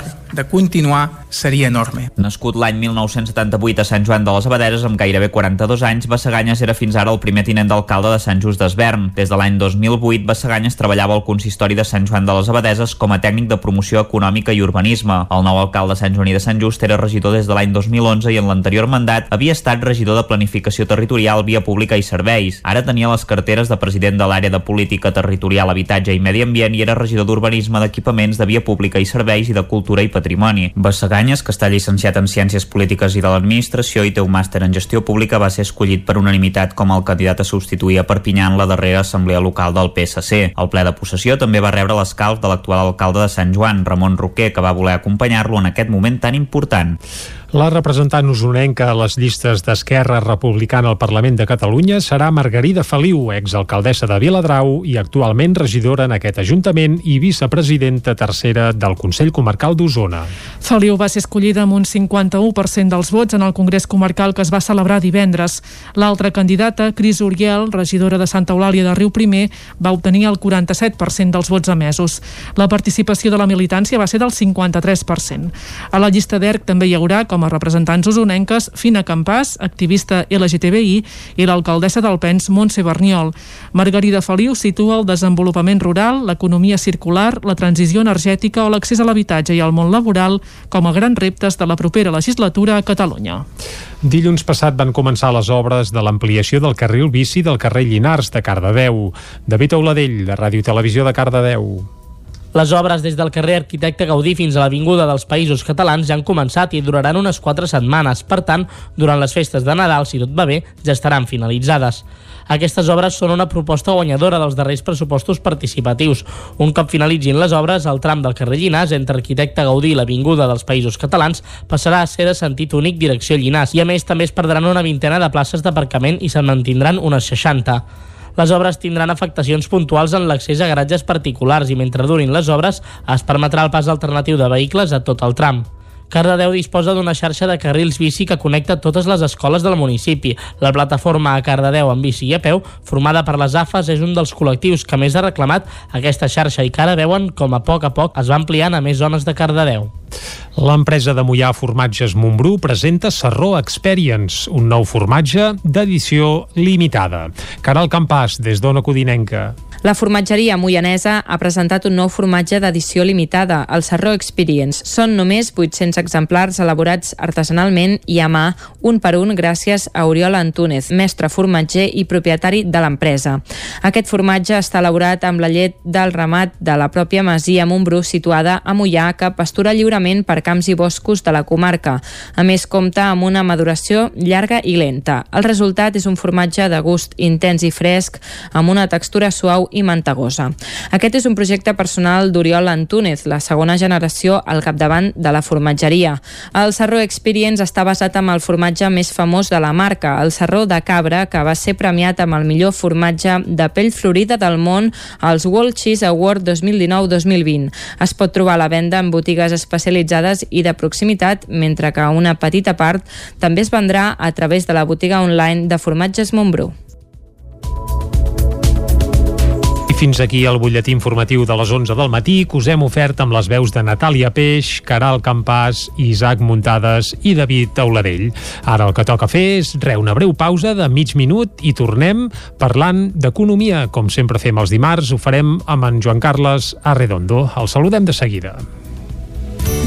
Territori 17. Envia'ns les teves notes de veu per WhatsApp al 646 079 023. 646 079 023. WhatsApp Territori 17.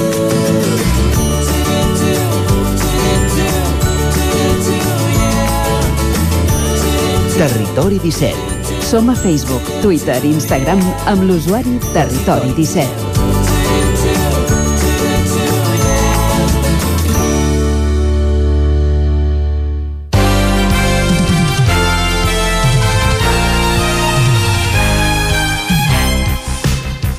Doncs vinga, un parell de minuts i seran un quart de 12 del matí i ara és el moment de parlar d'economia i com sempre ho fem amb en Joan Carles Arredondo, que saludem ara mateix. Joan Carles, molt bon dia. Bon dia. I amb en Joan Carles avui volem parlar de comerç electrònic i comerç tradicional. No sé si són dos termes enfrontats, si poden i han de conviure. Això ens ho explicarà el Joan Carles de seguida, oi, Joan Carles? Sí, sí, sí, efectivament, no? Tu, Eh, tu deus fer les dues pràctiques, potser. Compres tant a, a, a l'antiga, entre cometes, és a dir, carnalment i presencialment, i també ho fas internàuticament? Sí? Jo soc, jo soc molt boomer, eh? Vull dir que... Què vol dir, boomer, ara pla?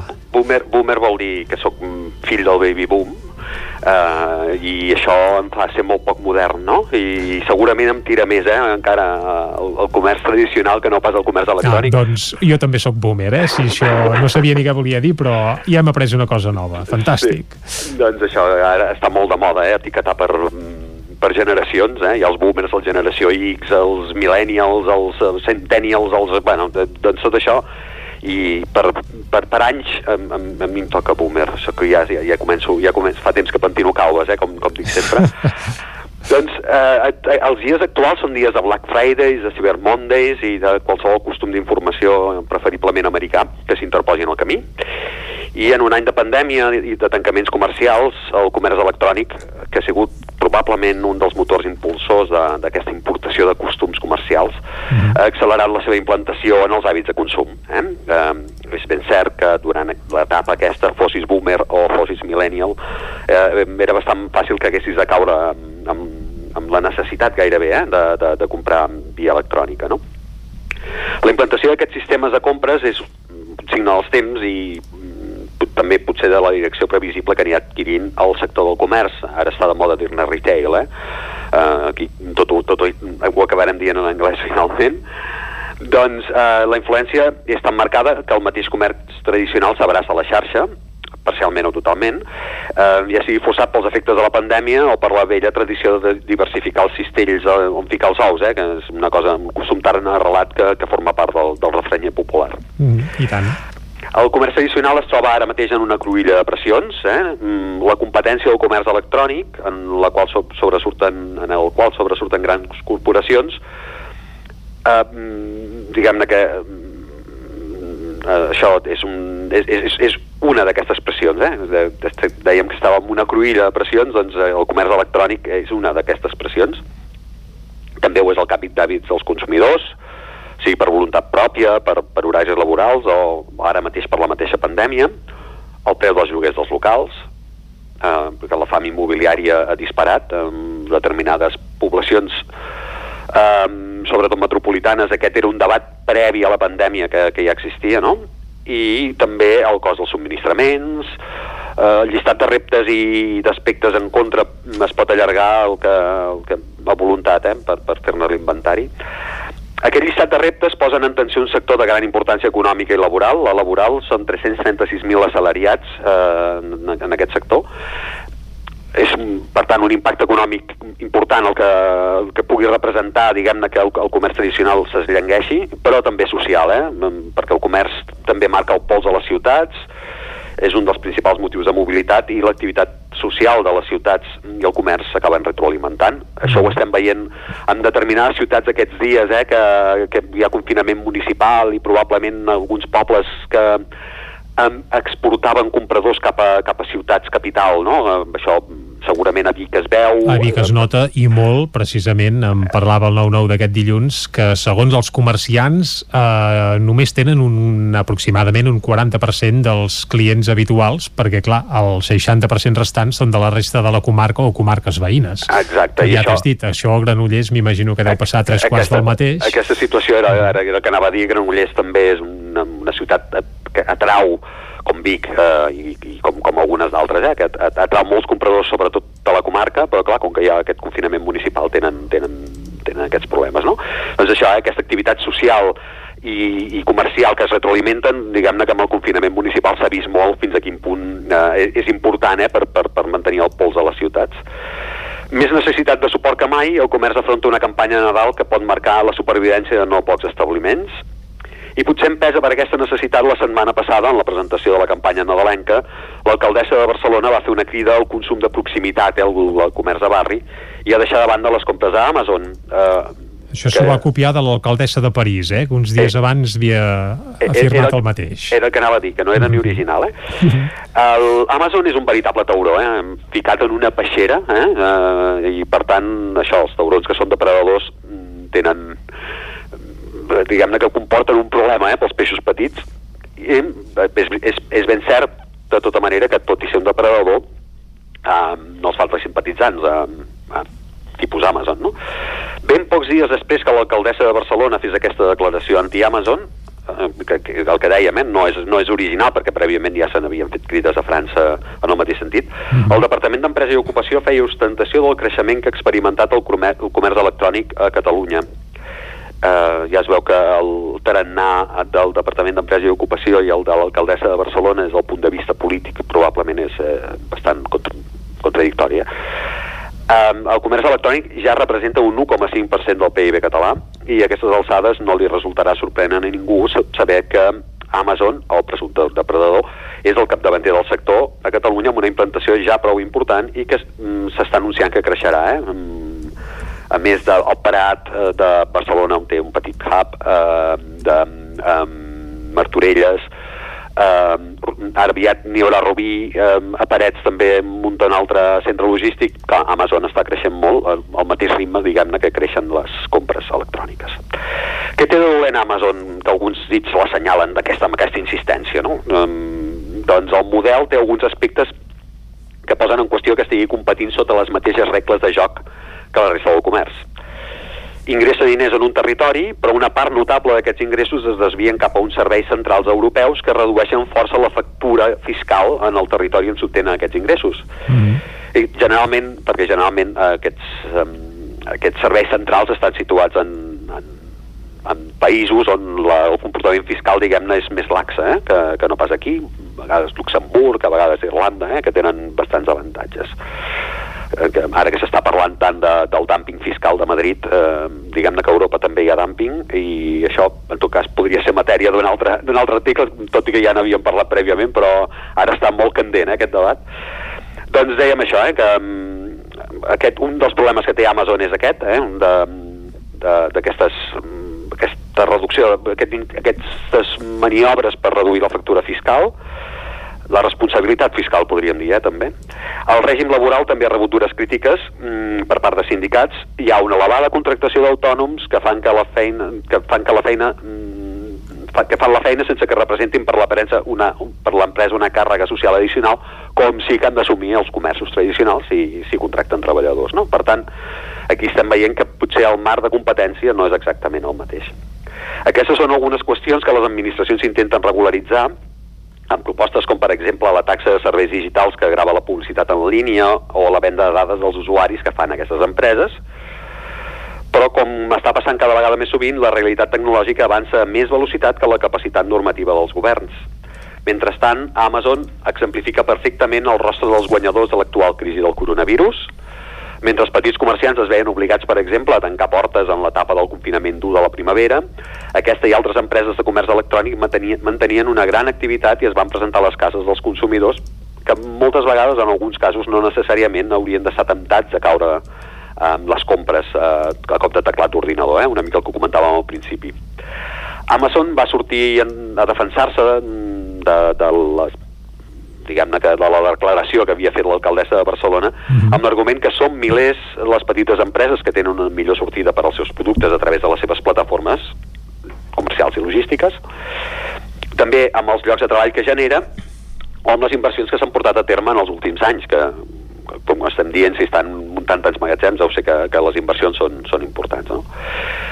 Arguments tan sòlids com rebatibles. Eh? Si el model d'Amazon s'estén i tanquen petites botigues, les empreses que tant diu defensar eh, tindran menys vies de sortida i dependran més d'un únic operador, es perdran potser més llocs de treball dels que ha creat la plataforma i cauran les inversions comercials, de manera que l'argument d'Amazon se li pot tornar per passiva. Eh? Uh -huh.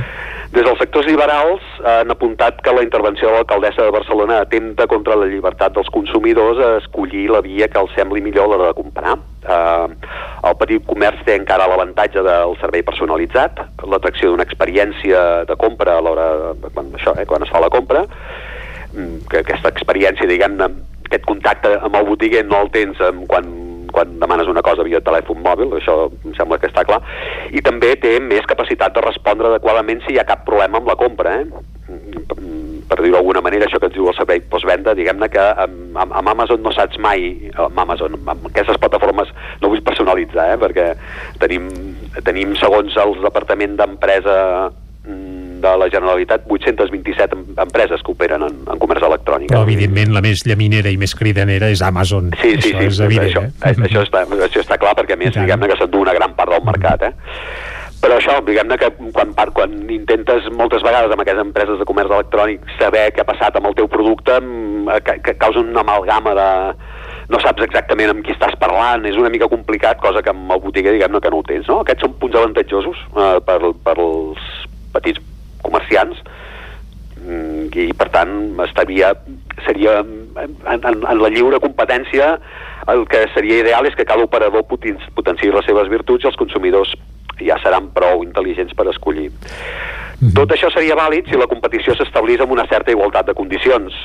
Eh, propiciar aquesta igualtat de condicions és la missió de les administracions. Per això, per damunt d'aquestes declaracions de cara a la galeria que, que, que puguin fer com Sí, sí, com va fer l'alcaldessa de Colau, correcte. És altament probable que els comerciants esperin de l'alcaldessa de Barcelona i d'altres administracions més acció perquè alguns dels reptes que han d'afrontar tenen a veure amb el que pugui fer un mateix ajuntament, eh? eh I, per tant, segurament el que probablement demanin els botiguers és menys eh, declaracions i més accions una mica la cosa, la cosa està així. Mm, no, sé si, no sé si tinc temps Sí, tenim un parell de minuts. Bueno, un parell de minuts. No, mm. Volia explicar una mica, perquè bueno, ahir el, el Departament d'Empresa i Ocupació, com dèiem al principi, va, va fer públiques aquestes dades de com està evolucionant el comerç electrònic. Uh -huh. eh, estem parlant de, això, eh, un 1,5% del PIB. Hi ha 827 empreses que es dediquen a això, segons ser censat aquest Departament d'Empresa i Ocupació, facturen 3.770 milions d'euros i ocupen 18.000 treballadors, eh? 18.000 treballadors contra els 336.000 que estàvem dient abans en el comerç tradicional. Home, queda, queda, queda recorregut, eh? perquè, perquè s'igualin, no, el que passa és que, que clar, la, la situació actual de, de crisi està complicant molt, molt la situació, no? Uh -huh. um, um, durant el confinament estava buscant la dada, però ara veig que amb, el, amb els papers que m'he tret no, no m'ha acabat, no acabat de sortir. Ah, sí, perdó, sí, sí, sí. sí. Durant el confinament va haver-hi un grandíssim increment de, del comerç electrònic que probablement provingui també de fins i tot alguns petits operadors que es van espavilar, es van buscar la vida, van muntar marketplace, eh, van, van buscar-se la manera de poder continuar venent tot i que tenien la botiga tancada i això també va ser, va ser un motor per al sector mhm. -huh. i potser assenyala un camí en el qual potser el petit comerç també té en la, plataforma, amb, amb, amb la xarxa una plataforma de creixement i això és una cosa que potser anirem veient properament. Bé, el que està clar és que si anem apostant pel comerç electrònic i deixem el comerç tradicional de tota la vida, aquests malics de grans ciutats amb caliu, amb ambient, eh, poden anar desapareixent. Per tant, també seria qüestió de plantejar-nos quin model volem a les nostres ciutats i a partir d'aquí doncs, cadascú copti per comprar com vulgui, però està bé. Això sens dubte i jo, a mi m'agraden les ciutats en les Mhm. quals hi ha vida, eh? això és una cosa que està clara i el comerç és un dels elements que li dona vida. Doncs Joan Carles, moltes gràcies per fer-nos avui aquest repàs a la situació del comerç electrònic versus comerç tradicional i des d'aquí una crida al consum al comerç tradicional, sobretot ara que s'acosten festes. Si podeu, si podem, donem suport al comerç de proximitat i als nostres comerciants que de ben segur que ho necessiten. Va, fet aquest apunt, anem ara a fer una petita pausa i tornem a dos quarts aquí a Territori 17. Fins ara. El nou FM, la ràdio de casa, al 92.8. A Calefaccions Pradell som experts en osmosi inversa, substitució de calderes de gas, estufes de pèl·lets, calderes de condensació, energia solar, calefacció, terres radiants, calderes de gas, geotèrmia... Si busques experiència, qualitat i professionalitat, no dubtis en confiar en nosaltres. Calefaccions Pradell, telèfon 93 885 11 97. Ah, i ara informa't del Pla Renova't. Calefaccions Pradell us desitja bon Nadal i feliç 2012. No em trec la imatge dels nens amb cara de velocitat baixant per la pista vermella. Sí, molt divertit. I quin fred. Uh. Tranquil·la, he deixat l'estufa encesa i la casa està calenta. Sempre tenim sort de comptar amb Corretja. Són especialistes en aïllaments i estufes. Acabar la jornada d'esquí amb la família al voltant de l'estufa i amb aïllaments de primera és 100% corretja. Corretja. Tot i més a corretja-sl.com. Cobertes serveis funeraris. Els nostres tanatoris estan ubicats en els nuclis urbans més poblats de la comarca d'Osona per oferir un millor servei. Tanatori de Vic, Tanatori de Manlleu, Tanatori de Centelles i Tanatori de Roda de Ter. Sabem que són moments difícils i per això el nostre compromís és atendre-us en tot moment amb un tracte humà, sensible i respectuós. Cobertes serveis funeraris. Telèfon 24 hores 93 883 23 46. Pintures Xevi Soler. Tot en pintures. Façanes, obra nova, rehabilitacions interiors de vivenda, estucs, microciments, pintura industrial, motllures, terres vinílics... Pintures Xevi Soler.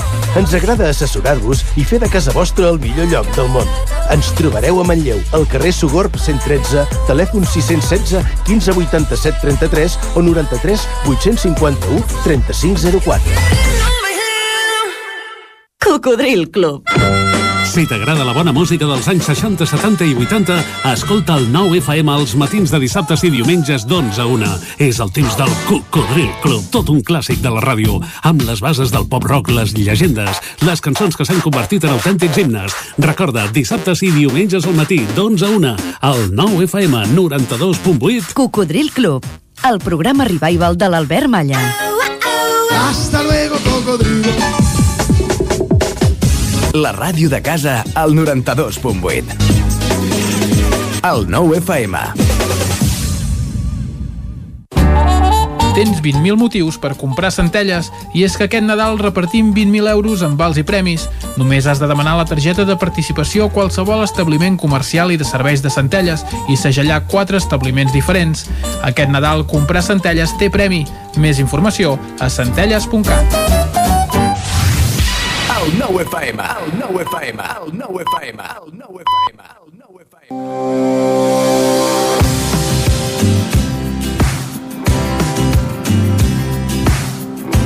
Avui toca començar a descobrir una capital que de ben segur molts de vosaltres coneixeu molt i molt bé, i és que estic parlant d'Osona. La comarca d'Osona, amb la seva capital a Vic, es troba ubicada en una situació estratègica a mig camí entre els Pirineus i la Costa Brava i a una hora en cotxe de Barcelona i Girona, amb una gran diversitat d'oferta turística en un entorn característic dels territoris d'interior, disposa de tot tipus d'allotjaments que van des de càmpings fins a cases de turisme rural, hotels, hostals i apartaments.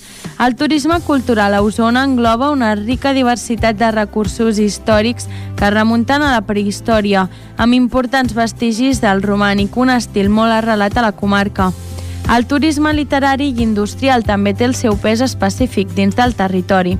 El paisatge i el territori usonencs també són idonis per a activitats a la natura i la gran oferta de fires i mercats, festes i tradicions populars contribueixen, juntament amb la seva gastronomia, a ampliar les possibilitats de convertir una visita a la comarca en una gran experiència.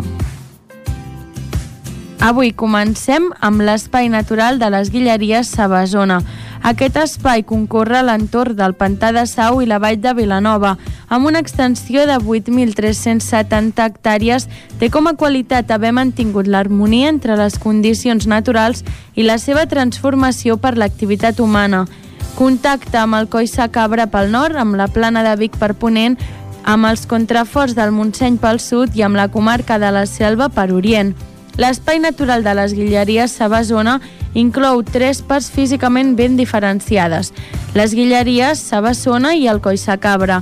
Destaca el paisatge configurat per formacions boscoses esquitxades per prats i conreus, les emergents cingleres de roca nua i el pantà de Sau amb la seva àrea d'influència. Guilleria Sabasona es caracteritza per seguir la successió vegetal típica de la muntanya mediterrània que arrenca de la base amb la roureda submediterrània a causa de la inversió tèrmica i que a mesura que superem la plana continua amb l'alzina el qual dona pas novament a la roureda, atès que les guilleries rep la influència de la dorsal pluviomètrica. Finalment, a les parts obagues i en alguns indrets excepcionalment humits s'hi instal·len algunes freixanedes i fagedes. Cal destacar que els fons de vall amb torrents i cursos d'aigua permanents es cobreixen de boscos de galeria o forers de ribera des de vernedes humedes i salzaredes.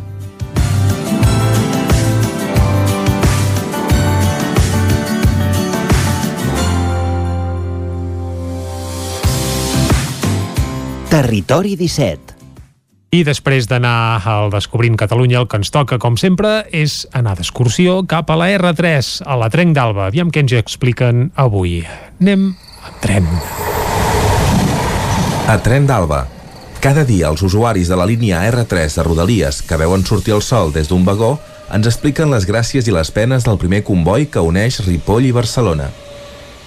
Benvinguts a Tren d'Alba. Una piulada a Twitter que em va cridar l'atenció l'altre dia és la d'un usuari que penjava una foto aèria de l'estació de Vic i deia que pensant en quines estacions de la xarxa ferroviària catalana s'hi podria instal·lar plaques solars fotovoltaiques, la de Vic podria ser una bona candidata, ja que té més de 2.800 metres quadrats de coberta en metàl·lica. Malauradament, el mateix usuari deia que, segons el pla de lluita contra el canvi climàtic de DIF, la instal·lació de plaques solars no sembla que sigui una aposta en l'accepció dels fanals. A més, va recordar que encara s'havien d'arreglar les escales mecàniques de l'estació que no van des de l'estiu. En fi, fi, us deixo la crònica de la Núria amb un nou retard del tren. Bon dia des de l'R3.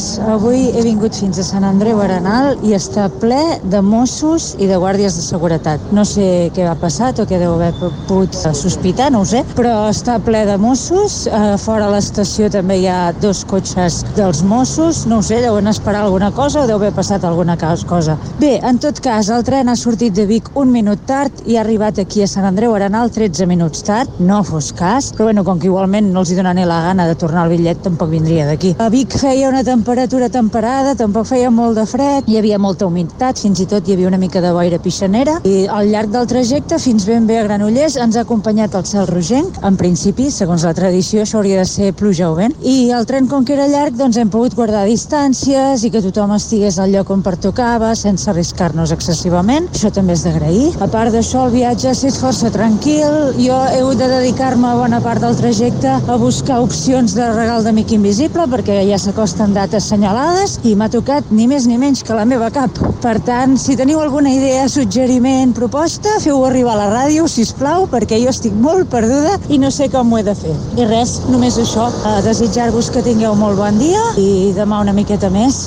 Cuideu-vos i abrigueu-vos. Bon dia, records de la Núria des de l'R3. Doncs el regal de l'amic invisible dependrà de l'estima que li tinguis a la teva cap. Si vols quedar bé, una capsa de bombons. No falla, ets xocolata i són ben bons. I si vols anar amb mala bava, doncs li emboliques excrements de gos o un cap de cavall. De plàstic, evidentment. Va, ens retrobem demà i recordeu que ja portem un retard acumulat de 6 hores i 40 minuts des de l'inici d'aquest mes de setembre. Territori 17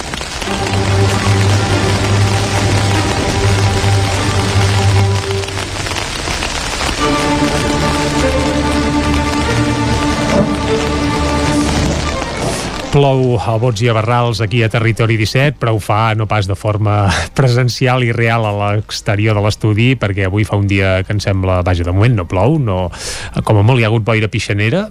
En Manel, per això, que ja el saludem de seguida, ens fa, però alerta, alerta. Bé, uh, un cop al mes tenim aquí el Manel Dot, el nostre meteoròleg de capçalera, que ens visita per fer una mica de balanç del mes que hem deixat enrere, i avui, evidentment, volem parlar del mes de novembre, que s'acabava ahir, un mes de novembre, Manel, que així ja tirant pel dret, jo diria que ha estat força més calorós del que és habitual, oi? Doncs sí, eh, uh -huh. bon dia primer de tot. Molt bon dia. Eh, sí que ha estat doncs, força calorós i la mitjana, per exemple, ha estat de dos graus per sobre del que li tocaria només de novembre. Dos graus és, és moltíssim, molt, eh? és una bestiesa, això. Sí, no és pas l'únic més, eh? n'hem tingut algun altre també. Uh -huh. eh, ara no recordo exactament, però n'hem tingut algun altre. Però, per exemple, la, la mitjana climàtica és de, de 8,2, eh, parlant de la de, de, la de Vic, eh, uh -huh. en general per això has passat a tot arreu igual, i hem tingut 10,1 dir que són pràcticament 2 graus, 1,9 uh -huh.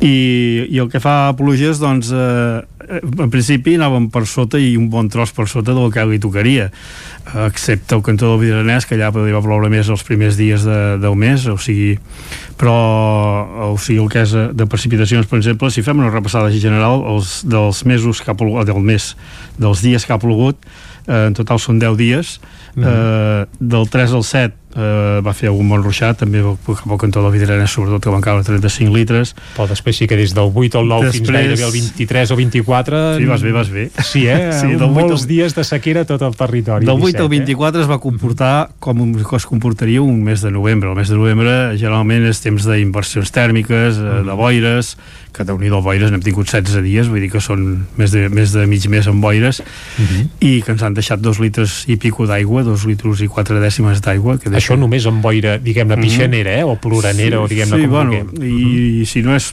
pixanera tampoc, vull dir que eh, la boira són gotetes d'aigua que suren uh -huh. i que es van acumulant doncs, eh, en els punts, no? I, bueno, per exemple, el buidímetre que tenim, el recol·lector de l'aire que tenim allà eh, aquí a l'Observatori de Vic, doncs eh, ens va recollir doncs, força aigua eh, deixa molta aigua, tant la rosada com la, com la boira, aquí a la plana deixa molta aigua. Uh -huh. eh, tal com deia, doncs, eh, del 8 al 24 ha estat doncs, un mes doncs, eh, tot i així les temperatures eren una mica altes però ha estat doncs, un mes normal per el que seria en un mes de novembre mm. ara del 25 al 28 doncs, es va visitar aquesta llevantada que...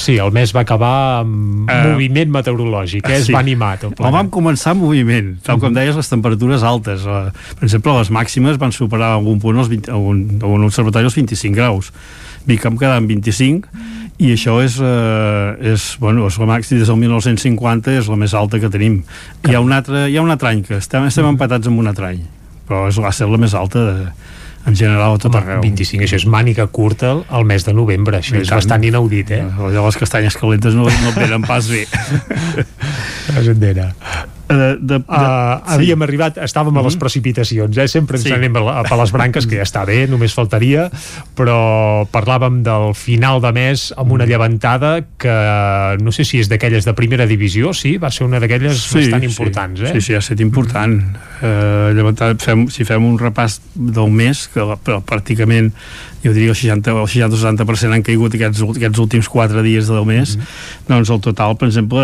Vidrà amb 236 litres, eh, la Venga Tabertet amb 167,4, Viladrau 166, això caiguts al llarg del mes, eh, 152 Espinalbes, eh, 120,8 a Sant Pere de Torelló, 120,4 a Tavernoes, a Vic ens han quedat amb 89, mm -hmm. que déu nhi perquè la mitjana són 30 i pico, 30 i pico, 40 litres per metre quadrat. El novembre no és un dels mesos sí. més plujosos habitualment, sí. però vaja, mm. gràcies a aquesta llevantada final segurament estem per sobre de la mitjana en pluviometria, eh? Sí, Això i tant. Mm -hmm. La mitjana anual també, vull dir que la mitjana anual aquí a Vic són ser 690, 700 litres i en portem 884, vull dir que...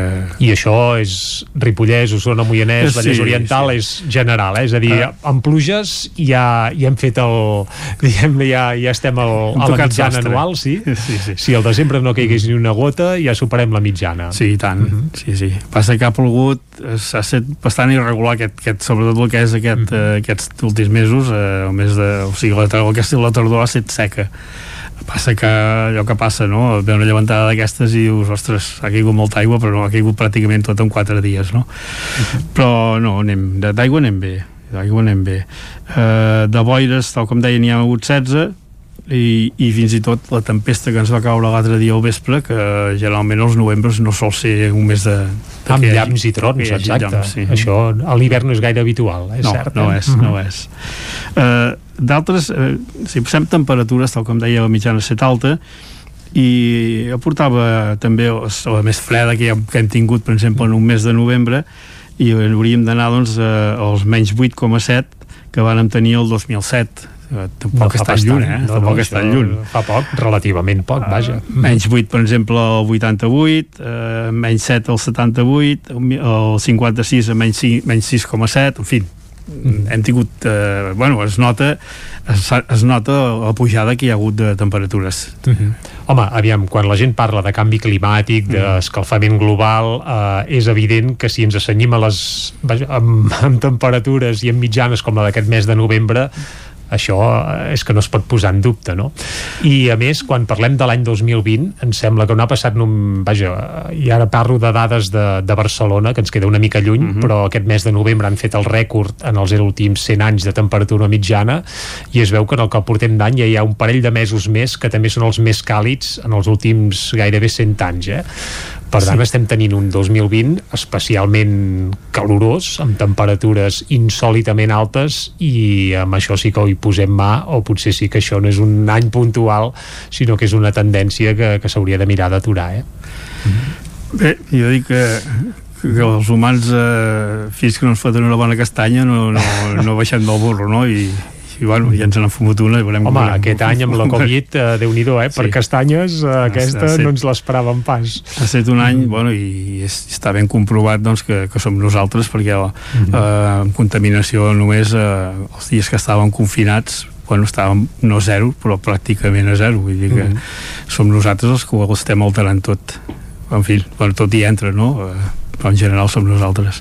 Bé, no hi ha mal que per bé no vingui, que diuen mm. també, eh? és a dir, mira, la Covid també ens ha reduït una mica els nivells de contaminació uh, això és, és cert sí, sí, és sí, sí.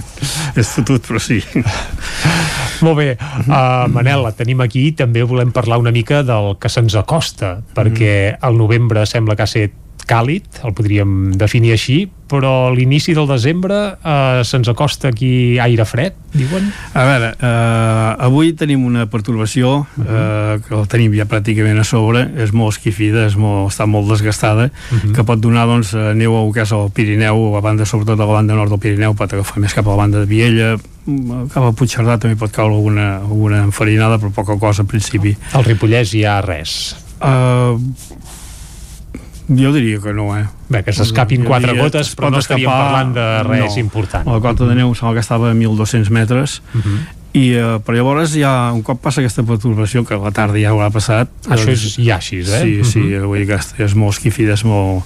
i passa bastant de pressa doncs uh, que són el que ens podria donar aquestes quatre gotes també que dèiem aquí al començament uh, aquí a, a la zona nostra però és poca cosa un cop uh, passa aquesta perturbació el que ens entra és aire fred del nord eh, llavors el que baixaran són les temperatures eh, es normalitzaran una mica les temperatures i demà ens llevarem amb les típiques gelades i sota zero un o dos graus sota zero els tindrem. Però no seran gelades de 8, eh, no, 7, 8 graus no. sota zero com ens comentaves que havia passat fa uns quants anys, eh? En cap uh, cas seria no, en bèsties, principi, en principi uh, dos, eh, el que és la banda nostra, dos sota 0, un, dos sota 0, el Ripollès eh, poden baixar una mica més, allà és la zona més freda, uh -huh. eh, seguiran les inversions tèrmiques, i el que llavors s'acosta una altra perturbació que és per divendres, que aquesta la posem una mica entre cometes perquè sí que podria portar neu a cotes més baixes i més baixes què vol dir? Uh, doncs en principi uh, 800 metres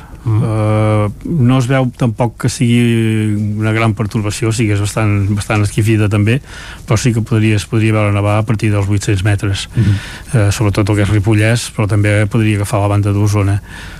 Carai, amb l'aire fred que tenim s'hagués atensat la setmana passada eh, quan hi va haver aquesta llevantada i potser parlaríem d'una nevada important, eh? És el que dèiem al principi, d'altres vegades que hem parlat d'aquestes llevantades que venien eh, novembre sobretot uh Mhm. -huh. eh, i, i enganxaven una entrada d'aire fred i si coincidien tenies la nevada assegurada i bueno, imagina't la, la quantitat d'aigua que ens va caure que van ser entre els 60 i els 80 i, i més, eh, van passar del 100 en algun punt, doncs Mhm. imagina't tu hi ha punts que haurien caigut un metre de neu que aviat és dit. Que aviat Uh, dit. perquè, per cert, parlant de neu, aquesta última llevantada, aquesta traca final del novembre que vam tenir, uh, la neu molt amunt, no? És a dir, va Sí. nevar a cotes molt altes. Sí, especialment els llevants eh, doncs no, les temperatures no són baixes sinó coincideix amb una entrada d'aire fred Uh -huh. i el, llavors el que afecta més també perquè el que és la banda del Pirineu va, no, no sol arribar les llevantades es queden, per exemple a Vallter a Vallter s'hi va fer un pam de neu més o menys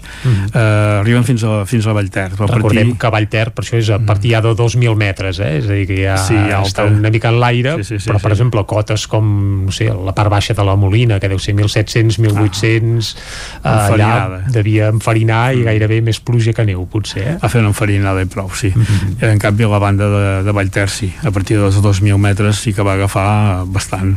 Bueno, va quedar el Pirineu ben nevat. I, tal com deia divendres, incrementarà, no molt, però incrementarà, aviam, volem veure com s'acosta a veure què fa, no? Però, però aquí coincidint amb aquesta, amb aquesta entrada d'aire fred, doncs eh, podria ser que, que sí que veiéssim de cotes una mica baixes. Però en cap cas precipitacions com les de fa, bueno, això, com les de No, final de mes no, passat, eh? no, no, no és llevantada, No no. venen No 100 ve de litres, eh? no, no. Que seria un metre de neu. Clar, més... Això, Això- funciona així? És a dir, Sí. dic 100 litres, un metre de neu. Cada litre és un centímetre o com funciona això, Manel? Depèn de la, de la neu. Si és més humida o és menys humida, o si és més seca, Mhm. si és més seca, doncs eh, porta menys aigua. Si és més humida, porta més aigua. Aquells parracs a vegades que cauen grossos, aquella pues, la que porta, que és humida i porta aigua. Mhm. Jo recordo aquella, el 1986 va ser, que van caure totes les torres elèctriques que estaven en mal aquella va estat. ser, va ser bastant sonada, eh? Jo, Sona jo era 86. petitó i la recordo també, eh? Vam estar, bé, el, la plana de Vic, alguns racons de la plana, gairebé una setmana sense llum. Sí, sí, i aigua. I aigua, clar. I a més amb una fredurada, sí, sí, important, Eh, perquè 17 estava tot congelat, eh? 17 sota 0 van baixar. Això va ser el 86. El 86, el 86 no sé exactament les temperatures. El 17 sota 0 va ser el 2001. Ara també ho confaria amb aquest altre. Uh Mhm. -huh. Aquella va ser una nevada, bueno, va ser bèstia. Eh, jo recordo a dalt a, a Rupit eh, amb un metro 10 de neu Carai. i a punts que poder n'hi havia més i bueno, va ser una, una, bona, una bona llevantada que va arribar amb aire fred i va, va fer una bona nevada, sí. Això Però allò va ser, podria, allò va ser, però allò va ser... podria repetir això, Manel? Però espera't, allò va ser... Quin any va ser? Ai, Any, el mes... eh, Va ser el El novembre. 86, el desembre, Ai, el crec, desembre. eh? Va ser el de desembre, desembre. perquè per Nadal encara hi havia neu i no, el fins i 86 tot... va ser pel desembre. Ara plau, potser el gener, eh? El 86. Va ser finals de gener. Uh, crec que, oita, ho, Al ho principi- mirarem, ho mirarem i tot perquè... Ara et fas dubtar. Però em sembla que el 2001 va ser el desembre, eh, el desembre, el 16 de desembre, per Santa Llúcia, Val, i el del 86 va el ser... 86 va ser a finals de gener, concretament el 30 de gener del 1986, aquella important nevada que, que vaja, que Sí, sí. afortunadament o malauradament per alguns, perquè la neu també és bonica, no s'ha repetit d'aquella magnitud, eh? perquè allò va ser uh, bastant bèstia. Eh?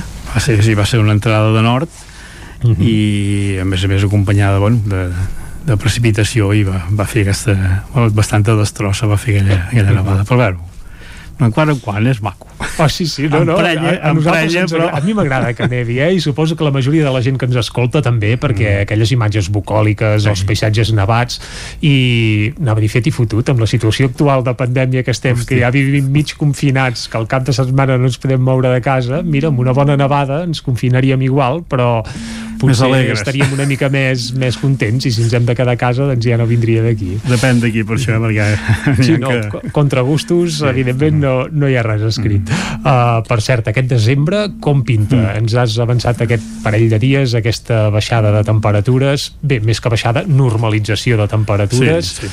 Uh, una mica més enllà, què ens pots avançar? Marc? Uh, doncs el que diem sempre, no? Uh, uns diuen una cosa, els altres diuen una altra. En principi, aviam què serà, però... Però nosaltres ens fiem del teu trobarem, no pas. Ui, d'aquí en allà, jo una setmana t'ho diré, més, més d'una setmana no, no vaig fotut. A veure, I, mira... I d'en Pep Acosta, també, evidentment, I tant, eh, el que ens diu en Manel i en Pep. Uh -huh. Només faltaria. Uh, té més empenta, aquell és més jove. uh, a veure, uh, en principi uh, sembla ser que guanyaria, o sigui, l'anticicló de les Azores tiraria més cap a Ponent, uh -huh. uh, més cap a l'oest, i això faria doncs, que entressin més, uh, bé, arribessin més les pertorbacions uh, atlàntiques, atlàntiques de la banda nord i entrades d'aire fred del nord. Llavors seria un mes doncs, eh, amb més, més precipitació i eh, possibles, amb alguna possible nevada i temperatures mm -hmm. més baixes o sigui, seria un mes normalment el que hauria de fer un mes de desembre mm -hmm. ara, eh, n'hi ha dates que diuen que no que, que no serà tant, que plourà menys en fi, és allò que diem, no? jo crec que em decanto més al fred i, i la pluja, aviam. Sí. És a dir, que podríem tenir un desembre que no seria com el novembre, amb dos graus eh, per sobre la mitjana, eh? En aquest sentit seria un desembre congelat, com diu la cançó tradicional sí. de tota la vida, eh? I un Nadal, per exemple, nevat seria... Això fa molts anys que no molts, passa, molts, eh? Molts, Allò, sí. un Nadal amb neu a, vaja, a, a cotes més o menys baixes. Sí, ja t'ho miraré a veure quan va ser l'últim. Això si ens ho posarem de deures, va. Per, va per, sí. Jo crec que al segle XXI vols dir que hi ha hagut cap Nadal enfarinat que, doncs... clar, de la muntanya, el Ripollès, evidentment que sí, eh? però em refereixo a cotes de, cotes de, de 500. 700, 500 metres. Hauríem de mirar, ara t'ho dic de memòria, no t'ho sabria dir, però fa molts anys, eh? Mm -hmm me'n recordo anar, anar a la, a la missa del gall a les 12 de la nit amb un pam de neu uf, eh, d'això sí que em fa molts anys eh? aquest sí. any per cert no sé si s'hi podrà anar a la missa del gall a les 12 de la nit perquè clar, a les 10 en teoria tot de queda i sembla que per les dates de Nadal això continuarà així, tot i que sí. és possible que diuen que per la nit de Nadal i la de cap d'any es faci alguna excepció pel, pel que fa al rellotge però vaja, això és, és un apunt que, que deixem anar ara siguem prudents no. per això eh? sí, no, això sí, prudents. prudència prudència i sobretot mm. eh, les mesures sempre, mascareta, mans distància, mm. eh, faci fred o no en faci suposo que el fred també deu ajudar eh, a mantenir la distància, no sé tant vaja, com que anem més abrigats no sé si això el coronavirus serveix d'alguna cosa o no uh, bé, això però... ens hauria de dir un sí, tècnic això... jo que sé és que per exemple quan hi ha boira la boira són gotetes petites que suren uh mhm. -huh. llavors és, suposo que deu ser més fàcil si no anéssim amb mascareta de que algú estigués contaminant doncs eh, quedessin enganxades en aquestes gotetes i anéssim volant uh -huh per, per, per estona, no? Clar, les partícules queden en mm. suspensió si no hi ha circulació d'aire, però bueno, mm. precisament una de les coses que es predica que és important de cara a combatre uh, la pandèmia és ventilar bé mm -hmm. uh, espais airejats, però ja ens has deixat clar que de ventilades fortes no, no, no en venen, eh? Uh, no, de moment no. De moment, uh, bueno, les boires, a veure, d'aquest cap de setmana uh, amb temperatures avall pot ser que no n'hi hagin tantes de boires però mm -hmm. tot i així encara n'hi tindrem alguna bueno, és, és el més que toca això sí, boires també d'aquelles, jo també recordo fa anys, eh, aquelles boires que eren pràcticament persistents, que no es veia el sol en tot el dia, parlo sobretot de, del mm -hmm. clot, del sot de la plana de Vic, això, eh, que el segle passat, a finals del segle passat era bastant habitual, ara és molt i molt difícil de veure. Eh? Això també té a veure el famós canvi climàtic, és a dir, dies amb boira tot el dia estan en perill d'extinció, Manel? Sí, a veure, pensem que abans eh, tampoc hi havia ni calefaccions, ni hi havia tants cotxes, hi havia o sigui, era, hi havia l'ambient tan càlid com tenim abans, ara. parlo dels anys 80-90, eh? tampoc anem gaire enrere, eh? Sí, però, Bé, anat, o, o, sí, depèn per però hem anat sumant, a part de, del que hi entra el canvi climàtic, eh, hi entra, també hi entra doncs, l'ambient de... O sigui, hi ha més gent, hi ha més... Eh, no, ha crescut molt també el cas de la plana, això fa que hi hagi més temperatures més altes i fa que hi hagi doncs, eh, menys humitat mm -hmm. i menys boira uh, el que et deies uh, d'això de les boires persistents tipus Lleida que hi havia abans, jo me'n recordo me'n recordo un any que els, els Mossos, els Mossos els, la Guàrdia Urbana uh -huh. corrien un megàfono d'aquells grossos a dalt sobre el cotxe avisant a la gent que no circulés perquè és que a un metro i mig, dos metres no veia res. Carai. I jo m'hi he trobat, o sigui, bueno, i molta gent no podria -hmm. dir-ho, no? És que ja tenim una edat i, i boires persistents d'aquestes n'hi havia moltes. Mm -hmm. En canvi ara, no, ara pràcticament al migdia s'han aixecat quasi bé totes aquí. O sigui, el cas de Lleida, que també, tampoc duren tant, eh, o sigui, Lleida tindria el rècord de dies de boira Clar, allà quan s'hi posa, diguem que mm pel que fa a extensió és, és molt més gran i suposo que també deu ser més difícil de fer-la Mm. fugir un cop si, sí, si sí, deixa realitat, anar el coixí, eh? eh, si comptéssim els dies de boira o sigui, el cas, per exemple, la plana de Vic té més dies de boira que Lleida Mhm. quasi bé segur bueno, jo ho dic, ho asseguraria en canvi Lleida té més dies, més, més dies persistents, o sigui, més dies seguits de boira. Mhm. Però, per exemple, a Lleida, a partir de maig, juny, juliol i agost, segur que no n'hi ha. Aquí Mhm. sí que en tenim. Més d'un cop n'hem tingut. clar, boires diferents, les de Bé, les sí. terres de Ponent i les que es poden, eh, vaja, les que apareixen a la, a la plana de Vic, eh? Uh, sí que és veritat que a Lleida encara hem vist eh, episodis, recordo fa- l'any passat mateix van estar gairebé una setmana sense veure el sol, eh? Sí, sí, sí. Això aquí ja no passa. No, aquí pot passar dos dies i encara justet. Vull dir que passa molt poc aquí ara. De moment, eh, això ens quedem amb que, bé, els canvis hi són, els canvis es noten, aquest famós canvi climàtic eh, és evident que les dades l'avalen i que hem de tenir cura. De moment hem repassat un mes de novembre avui amb el Manel Dot excepcionalment eh, càlid, amb temperatures de més de 2 graus respecte a la mitjana, que em sembla a mi això una bestiesa eh, Vaja, absolut, No, és que dos graus són molts, eh? Són molts graus, sí, sí. Mhm.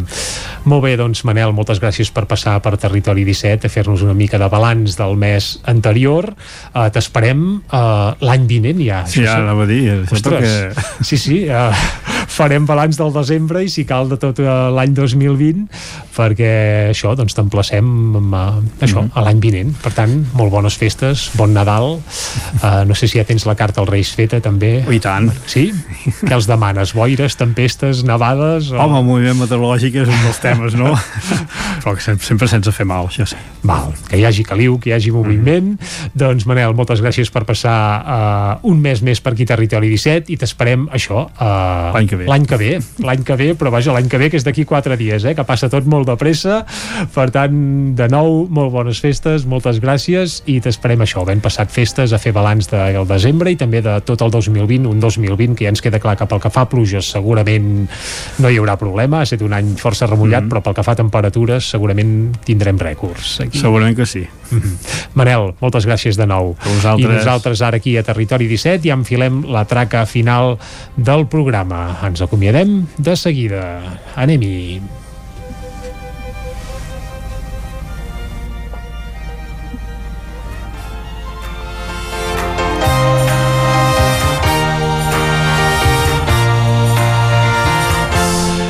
Doncs vinga, us diem adeu. El programa l'hem fet avui, com sempre, amb Clàudia Dinarès, amb Arnau Jaumira, amb David Auladell, amb Caral Campàs, amb Isaac Muntades, avui també ens ha acompanyat la Txela Falgueres, en Joan Carles Arredondo i també hem tingut la companyia del meteoròleg Manel Dot. Nosaltres tornarem demà, com sempre, des de les 9 del matí i fins a les 12 del migdia. Fins llavors, salut, que vagi molt bé i adeu-siau.